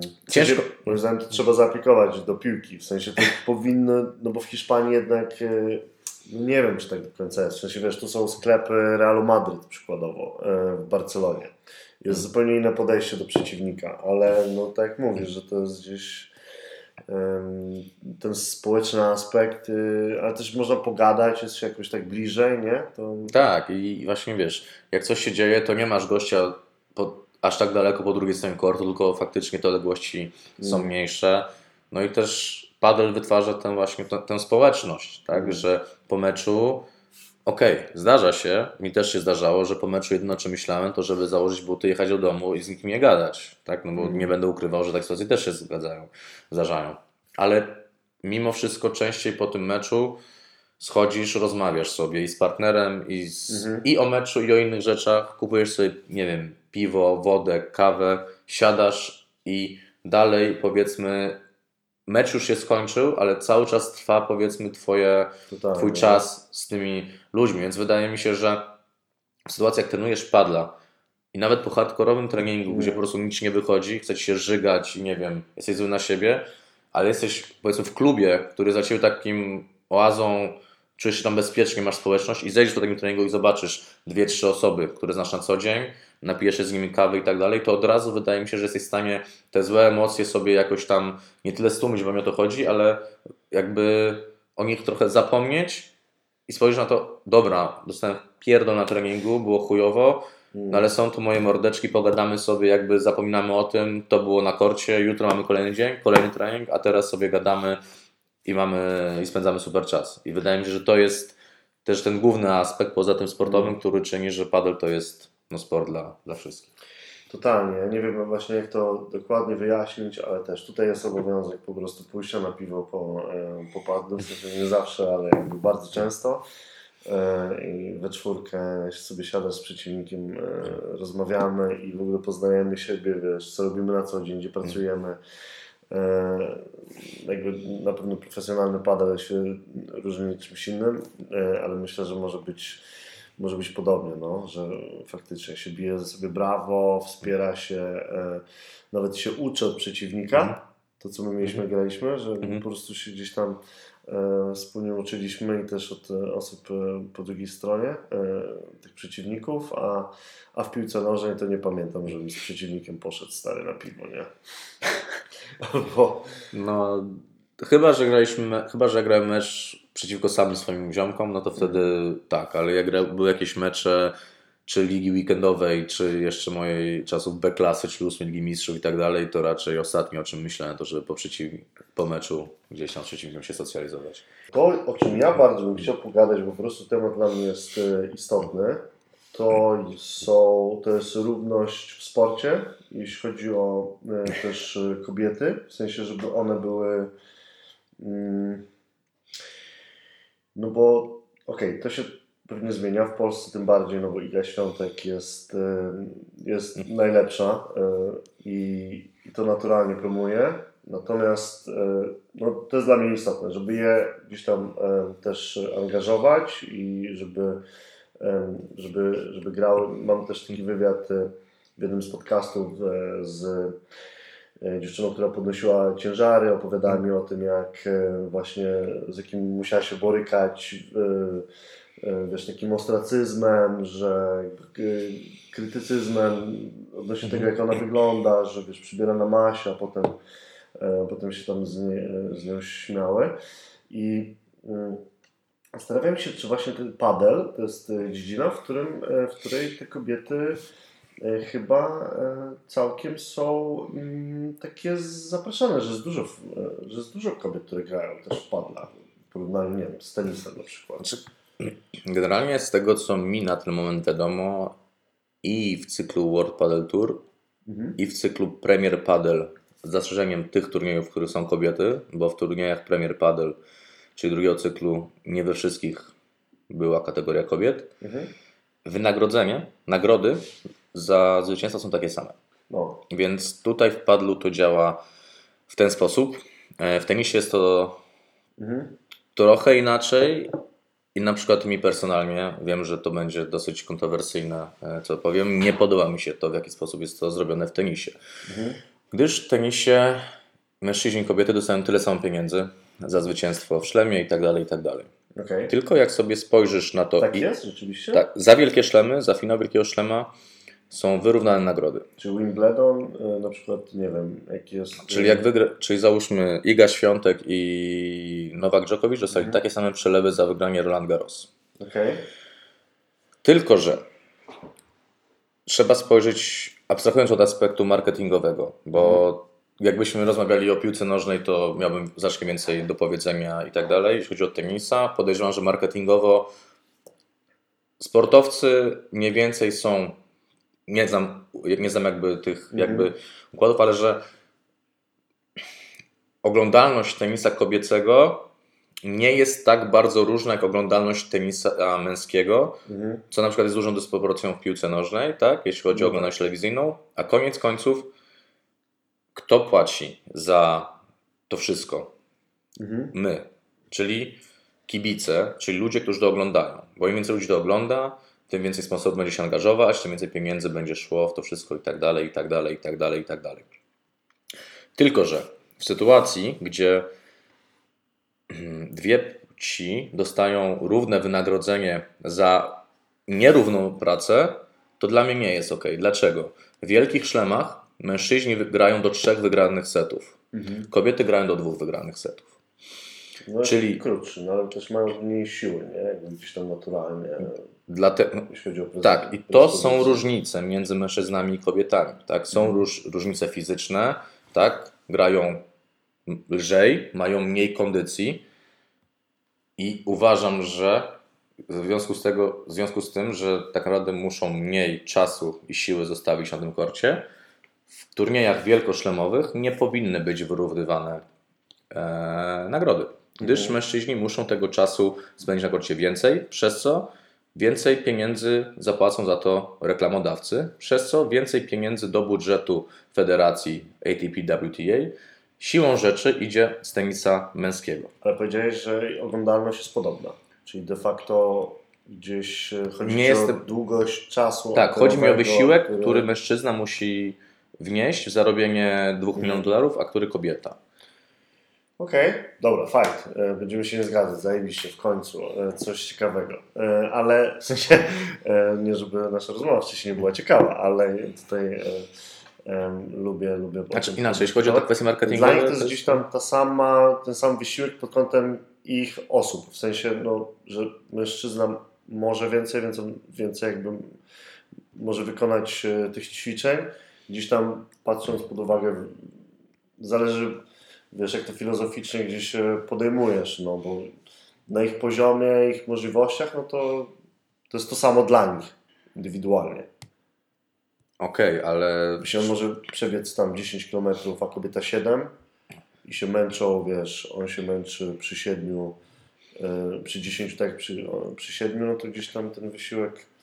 Okej, no dobrze, ale załóżmy masz pracownika, który, masz dwóch pracowników w jakiejś firmie, jednemu jakaś praca zajmuje, no to jest też Mhm. kwestia czasu, że kobiety na tym najwyższym, mówię, mówię o samych, teraz mówię o finałach szlemowych i o turniejach wielkoszlemowych, tak? Mhm. Kobiety grają dwa sety, mężczyźni do dwóch setów, mężczyźni do trzech setów, czyli Mhm. z defaultu mężczyzna ma więcej prac do wykonania. I uważam, że to nie ma kwestii, nie powinno się na to patrzeć pod kątem fizycznym, bo w turniejach rangi 1500 i mniejszych Mhm. długość meczów jest taka sama. Tak? Grają do dwóch wygranych setów. Więc jeśli mają być takie same nagrody, to albo niech mężczyźni grają też do dwóch wygranych setów, Mhm. albo niech kobiety grają do trzech wygranych setów. Ale też z kolei, no tak, ale e, wtedy jakby zmuszając kobiety grając dłużej, czyli ponad jej możliwości, no to wtedy nie jest jakby No a, dobre a rozwiązanie. czy, czy są badania, No że to mężczyźni grają ponad swoje możliwości? krzywdę tylko, nie? W sensie jakby no, miałby więcej kontuzji, wiesz, więcej by się tam męczyły, dostawałyby Okej, Mm. czyli z definicji, znaczy teraz mówiąc, kobiety fizycznie są gorsze, słabsze niż Mhm. mężczyźni, tak? Więc no, ja uważam, że to są różnice, które są widoczne Mhm. i mężczyźni nie powinni być za to karani. Nie Okej. powinni być zrównywani przez to, że zarabiają tyle samo, dlatego że potencjalnie mają, wiesz, Mhm. więcej siły, e, no ale przez to ich praca, czyli czas ich pracy do zdobycia tytułu musi być dłuższy, a nagroda jest taka sama. I uważam, że w turniejach rangi 1500, gdzie jest, gramy do dwóch wygranych setów, w tych turniejach uważam, że jasne, przy jakiejś analizie marketingowej, bo to jest najważniejsze. Jakby, tak. Mówię, tutaj nie chcę się podać, bo jeśli chodzi o tenisa, nie jestem w stanie rzucać cy- liczbami i tak dalej. E, Styl, wydaje mi się, że tenis męski jest wciąż lepiej oglądany niż kobiecy, to jest do sprawdzenia, ale uważam, że jeśli mamy mieć takie same pieniądze, to za taką samą pracę. Czyli gramy do dwóch setów, do zwycięskich dwóch setów, dostajemy tyle samo pieniędzy. Jeśli mężczyźni muszą grać dłużej, czyli potencjalnie dłużej wchodzić na wyżyny, bo każdy gra na 100%. Tylko, że mężczyzna musi grać na 100% przez 6 godzin, a kobieta przez 2.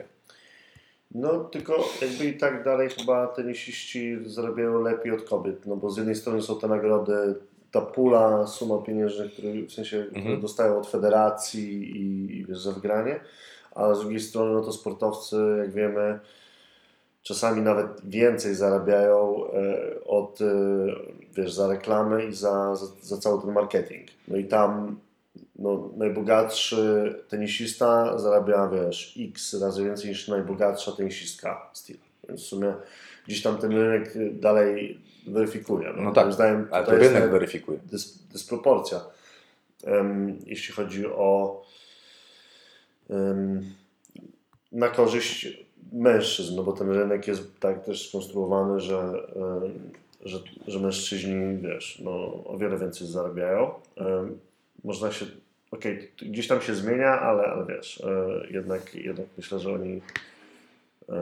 finansowo wychodzą lepiej dalej niż kobiety, no, Ale dnia. wiesz, dlatego tutaj trzeba by wyjąć statystyki, jakby wartość marketingową.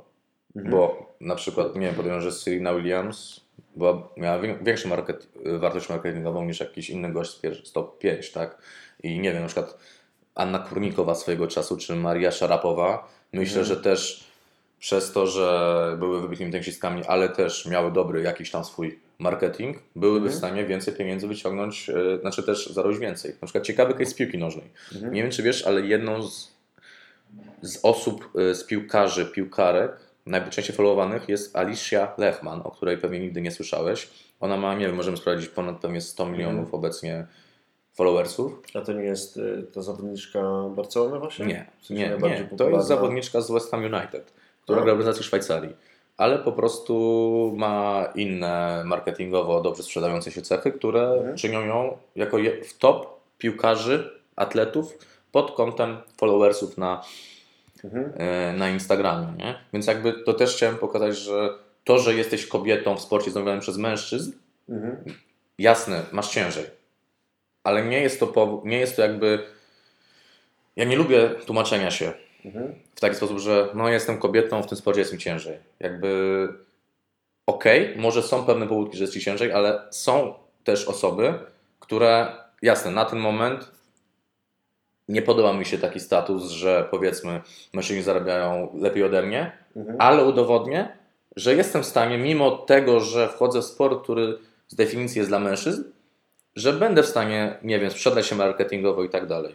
Jakby, no, też nie chcę za bardzo wejść w tematy ogólnie no tak, tak, tak. jakiejś tam e, czy dyskryminacji, czy praw, Mhm. ale jeśli chodzi o ten sport, jeśli chodzi o, o tenis, to co mówię? Uważam, że cykle, w których, gdzie wszystkie cykle poniżej wielkiego szlema, Mhm. gdzie obie płcie grają tak powiedzmy teoretycznie mecze o takiej samej długości, tak, czyli te tysiące, 500, 250, wszystko poza wielkimi szlemami, tak, uważam, że uczciwe byłoby zrównanie nagród pieniężnych. Jeśli chodzi o wielkie szlemy, uważam, że jest to, nie jest to do końca sprawiedliwe. Ale zobacz, mam dobry argument, bo powiedziałeś o pracu... porównałeś to do pracownika w firmie. Mhm. Ilości godzin tam do e, ile, ile jakby, ale myślisz, że Iga Świątek y, spędza w sensie, że trenuje mniej godzin od y, przykładowo Diokowicza? Nie, ale potem musi Że w ciągu dnia na przykład, nie? Że Tego nie wiem. Ile, nie, ale chodzi mi o to, że potem musi push herself to the limit. W sensie, Mhm. że na meczu wys- wystarczy, że przez dwie godziny będzie grała na 150%. Nowak musi grać 6 godzin. No tak, no, też Ale dla mnie ta to- wydajność jest inna. ale- nie? Okej, tylko że. No bo jakby to Ale czy mamy tak, że wydajność, Iga że kobiety są Świątek- 300% mniej wydajne od mężczyzn na korcie? Mm, Ciężko to No stwierdzić. bo jakby to było tak, że faktycznie Iga Świątek trenuje tenisa w dwie godziny, a Dziokowicz musi tam 6, 7, no to mówię, no to faktycznie, nie? To jest jakby inny wysiłek za jakiś rezultat. Ale wydaje mi się, że już na jakimś tam profesjonalnym e, poziomie, no to oni wykorzystują maksymalnie ten czas, jaki mogą sobie, wiesz, i nawet i więcej, żeby dojść do tego poziomu, nie wydaje mi ale, ale nie wiem. Znaczy nie, ja się z tym zgadzam, tylko jakby uważam, jako personalnie, że niestety nie wszędzie, gdzie chcemy, możemy wrzucić równość. I uważam, że w tym przypadku nie powinno tak być. I Też e, widziałem e, wywiad z Igą Świątek i powiedziała, że jakby e, nawet jest za dużo turniejów, na które kobiety jeżdżą w ciągu, w ciągu roku i za dużo jest tych meczów i wiesz, one są zbyt gęsto Mhm.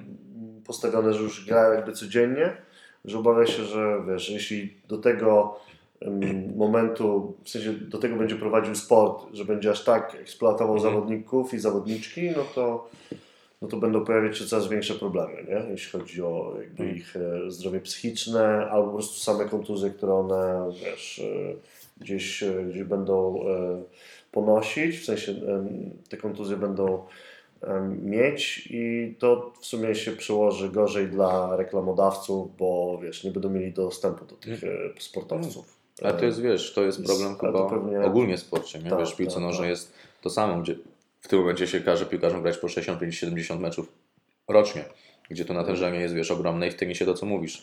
I też zwłaszcza, tak nawiązując do, break, do tego serialu Breakpoint, Mhm. że o ile taka, znaczy, gdzie to zawsze, o ile taka iga może sobie wygrać Roland Garros i mieć powiedzmy spokój finansowy na x lat, jakby mówię to oczywiście w dużym cudzysłowie, bo wygrać Roland Garros to jest lata, tysiące No tak. godzin przygotowań, ale są dziewczyny, które są, nie 70, 80 i one nie zarabiają za te turnieje 2 miliony, milion. Mhm.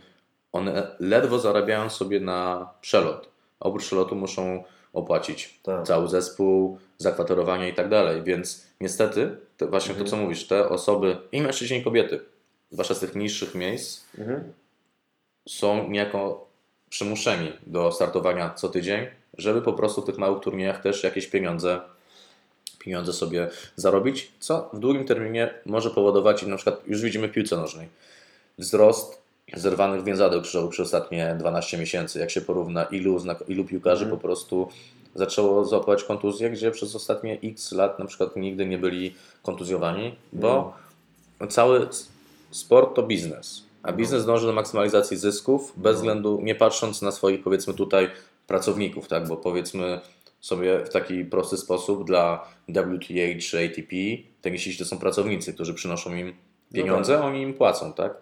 I to tak. samo w piłce nożnej. I oczywiście pracodawca będzie chciał, żeby taki pracownik jak najwięcej pracował, bo najwięcej może na nim zarobić i coraz więcej sportowców właśnie z różnych sportów, też z koszykówki, gdzie w NBA, wiesz, te- też tych meczów w sezonie zasadniczym w sumie jesteś w stanie nawet do około, rozegrać około 100, tak? Przez cały, przez cały sezon w sezonie zasadniczym i, w- i, i w playoffach. Więc no Tam jest jest, ta dłu- dłuższa przerwa chyba, nie?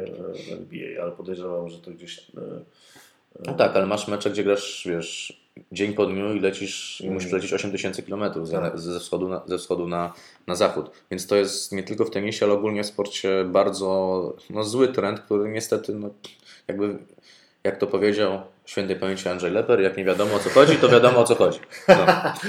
Więc, tak to można podsumować. No. Andrzej Leper tutaj e, jest, e, jest dalej z nami. E, Myślowo i intelektualnie nas, nas prowadzi. Nie, no tak, tak, tak. To, ale powiedziałeś też właśnie o czymś, kolejną ciekawą rzecz przytoczyłeś, właśnie ten stosunek, w sensie zawodników będących tam w niż, niż, na niższej pozycji w Mhm. rankingu, tam na 70 setnym, że czasami nawet dochodzi do tego, że oni ich nie stać de facto, Mhm. aby, aby y, ten No tak. cały sztab sobie Sfinansować. sfinansować, nie? E, A versus e, jak, e, jakie, jakie pieniądze dostają ci, ci pierwsi. Mm. Uważasz, że ci niżsi w rankingu jednak powinni e, być lepiej opłacani, czy to jest ok? No bo w sumie Djokovic jest wiesz, na okładce gazety i to jest w porządku, no bo na nim jest skupiona cała ta uwaga. Powiem Ci tak, za przejście pierwszej rundy w szlemie, czyli za wygranie na Mhm. poziomie powiedzmy 200, 200 versus 150 gości w ATP, dostajesz więcej pieniędzy niż za wygranie najbardziej prestiżowego turnieju padla Mhm. na świecie. E, więc wciąż, Mm. Mimo że jesteś setka, 150, te, oczy, jasne, Djokovic zawsze będzie e, zarabiał najwięcej i ja jestem też takiego podejścia, że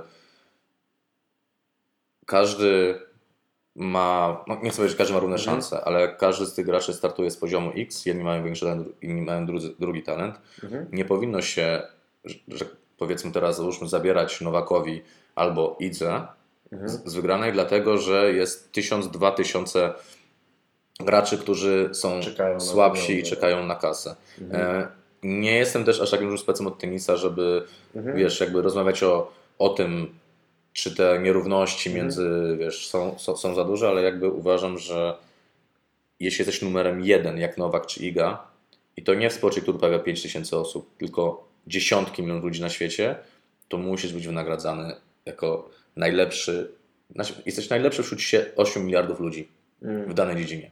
Mm. I nie może, uważam, że nie, nie powinno być tak, żeby teraz było, ej, ale powstały tysiąc, to też jest tysiąc na, miliard, na 8 miliardów, więc też powinni być wynagradzani. Tylko też ciężko mi się odnieść do struktury Mhm. tenisowej. Po prostu uważam, ja, ja jestem jakby tutaj też taki trochę bardziej pewnie kapitalistyczne podejście, że jeśli Mhm. ktoś jest wybitną jednostką i naprawdę ciężką pracą doszedł do czegoś, bardzo często to, co dostaje mu się najzwyczajniej e, należy, zwłaszcza, że wiem, że w przypadku sportowców, może nie korporacji sportowców, to nikt nikomu nic nie podarował. Mhm. Nikt Nowakowi nie dał pierwszego miejsca, nikt Idze nie dał trzech pucharów Roland Mm. Ja tutaj też nie mam bardzo sprecyzowanych e, poglądów na ten temat, czy powinni zarabiać więcej.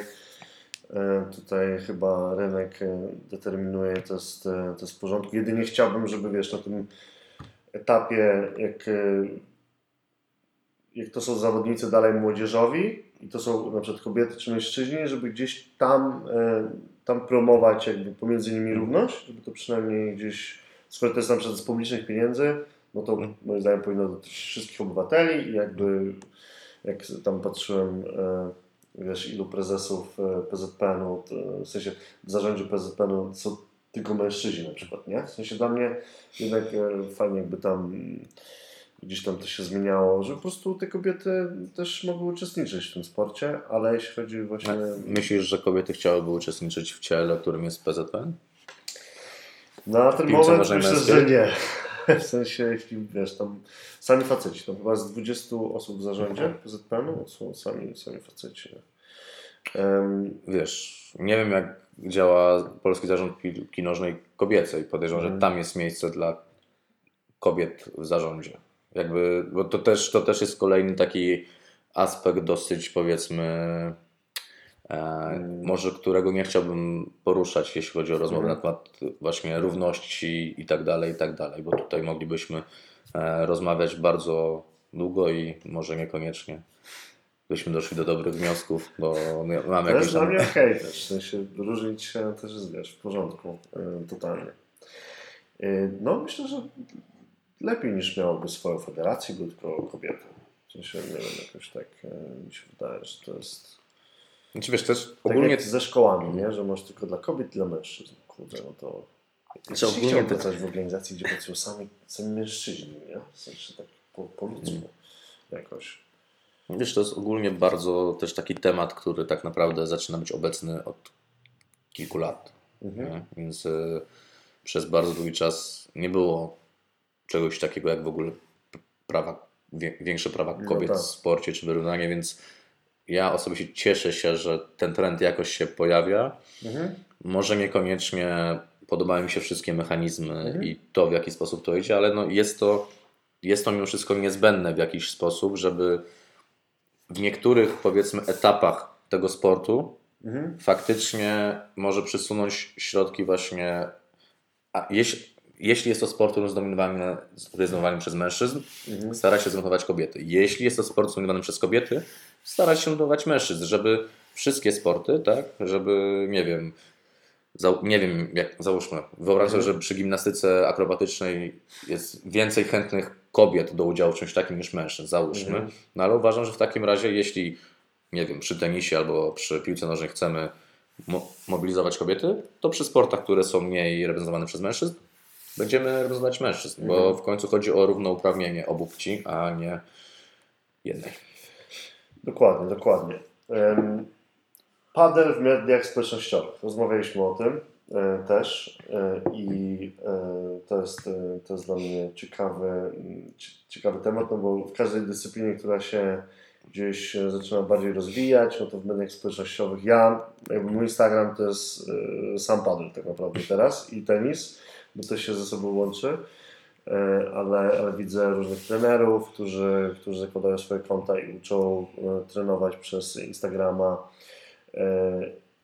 Ty, ty też chyba e, znasz Twitcha i w Mhm. sensie mm, tam, e, tam wydaje mi się, że pierwsze transmisje też się pojawiają z, z mistrzostw. E, Takie Mm, Znaczy, telewizji coś. Znaczy, generalnie jeśli chodzi Też. o padla, może nie tyle mediach społecznościowych, w telewizji. Zacznijmy może od Mhm. tego. Cztery lata temu, gdy padel jeszcze na świecie był mniej znany, World Padel Tour, czyli główny cykl, transmitował wszystkie swoje mecze na YouTubie. Mhm. Otwarte. Tylko YouTube. Tylko na YouTubie Mhm. i mieli swoją stronkę, która powstała niedawno, World Padel Tour TV i tam było wszystko dostępne. Ale, ale pojawili się widzowie, pojawiły się pieniądze, pojawiły się prawa telewizyjne. Mhm. Więc na przestrzeni ostatnich dwóch, trzech lat różne telewizje zaczęły sobie wykupywać prawa do tych finałów. Dlatego na przykład teraz, e, żeby obejrzeć mecze padla, no trzeba mieć zakupioną jedną, jed- jedną z cyfrowych jakby telewizji. Więc no, Czyli obecnie World e, Padel Tour, gdzie mogę znaczy World Padel Tour w Polsce jest na kanale Plus Sport, czyli tam, Okej. gdzie ja również Mhm. komentuję te mecze, ale też nie są to wszystkie turnieje, tylko są to turnieje rangi Masters, czyli tej rangi największej oraz turnieje cyklu Premier Padel, bo jeszcze w tym roku mamy dwa Mhm. Równoległe cykle, w przyszłym roku to się będzie zmieniało, ale turnieje Premier Padel, turnieje World Padel Tour Masters można obejrzeć w kanale Plus e, Sport. Nie wiem, w Hiszpanii z kolei na stronie World Padel Tour TV praktycznie wszystkie mecze są dostępne, oprócz ostatnio się dowiedziałem chyba finałów męskich. Więc Mhm. jakby to też jest tak, że w każdym kraju teraz obecnie, gdzie jakaś telewizja ma prawa, niestety ten dostęp do oglądania padla w sposób legalny jest ograniczony.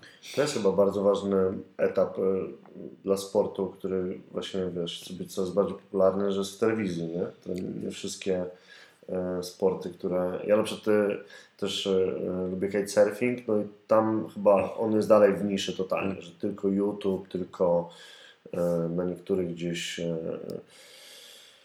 nie ma aż takiej infrastruktury Mhm. dookoła tego.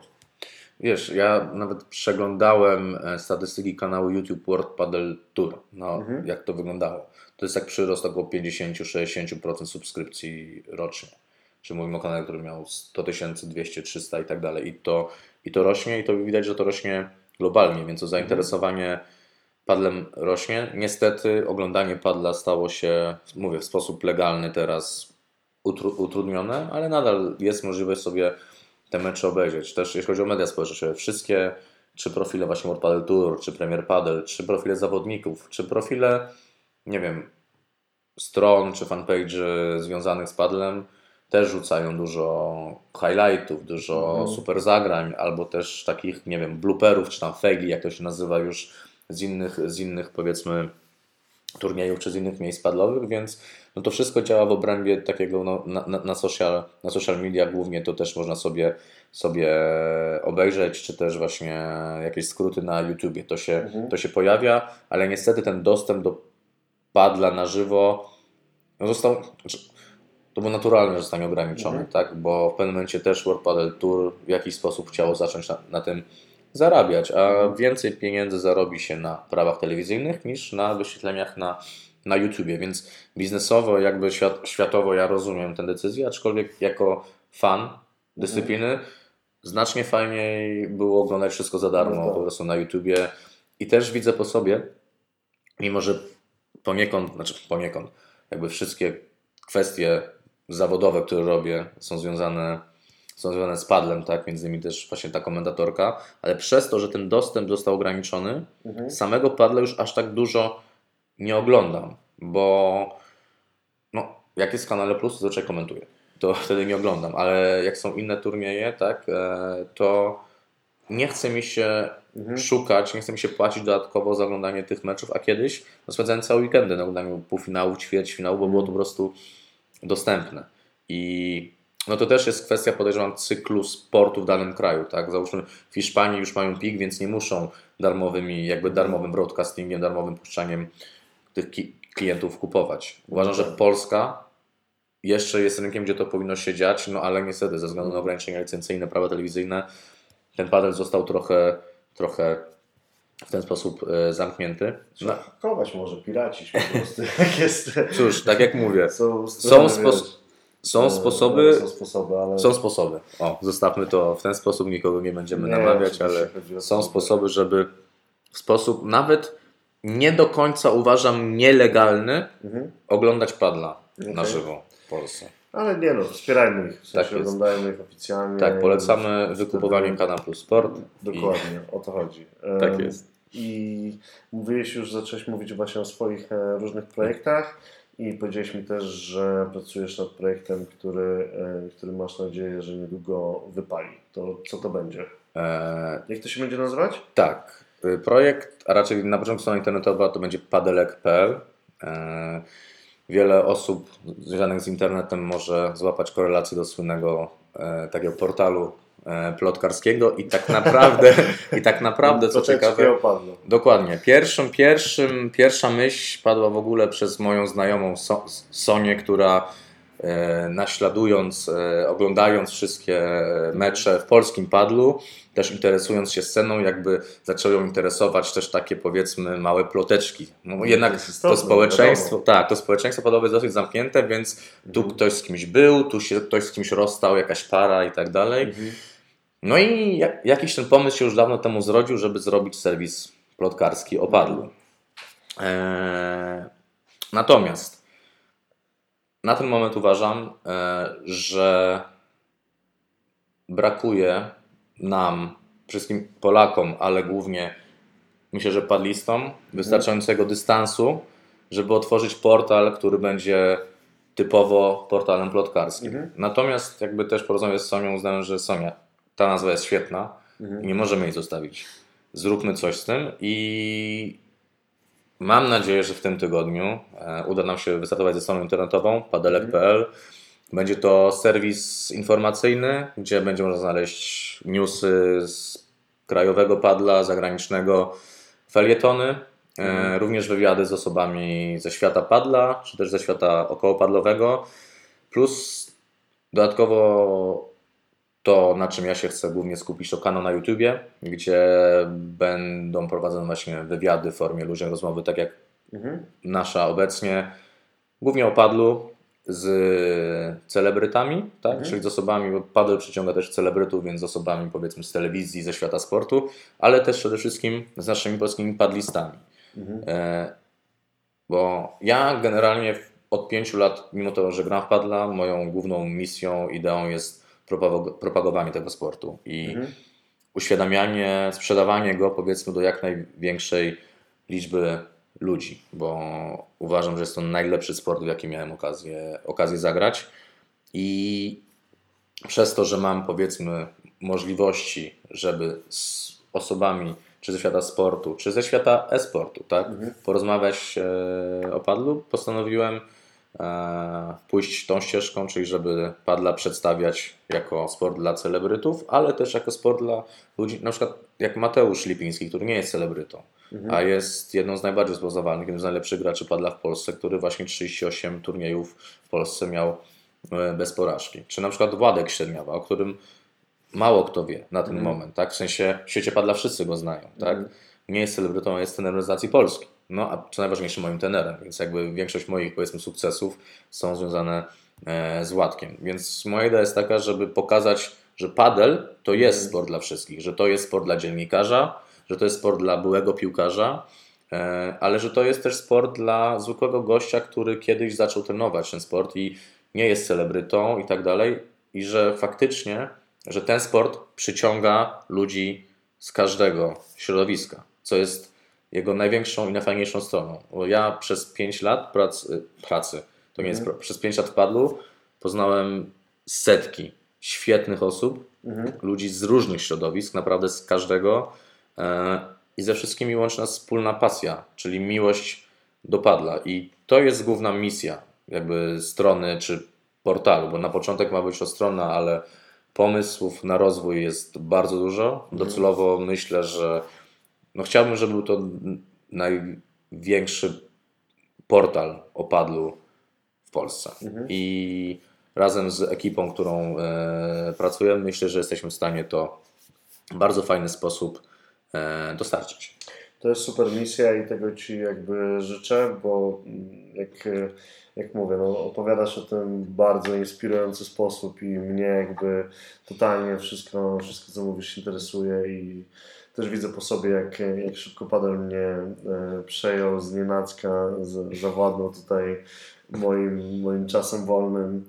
E, I myślę, że to będzie po prostu duży projekt. W sensie to będzie sport, który e, no tutaj widzę na przykład na tym korcie, którym my graliśmy, że ch- chyba liczyliśmy tam, że jest e, 18 kortów Tak. do padla, a tam 10, 11 do do tenisa. Nie? Tak.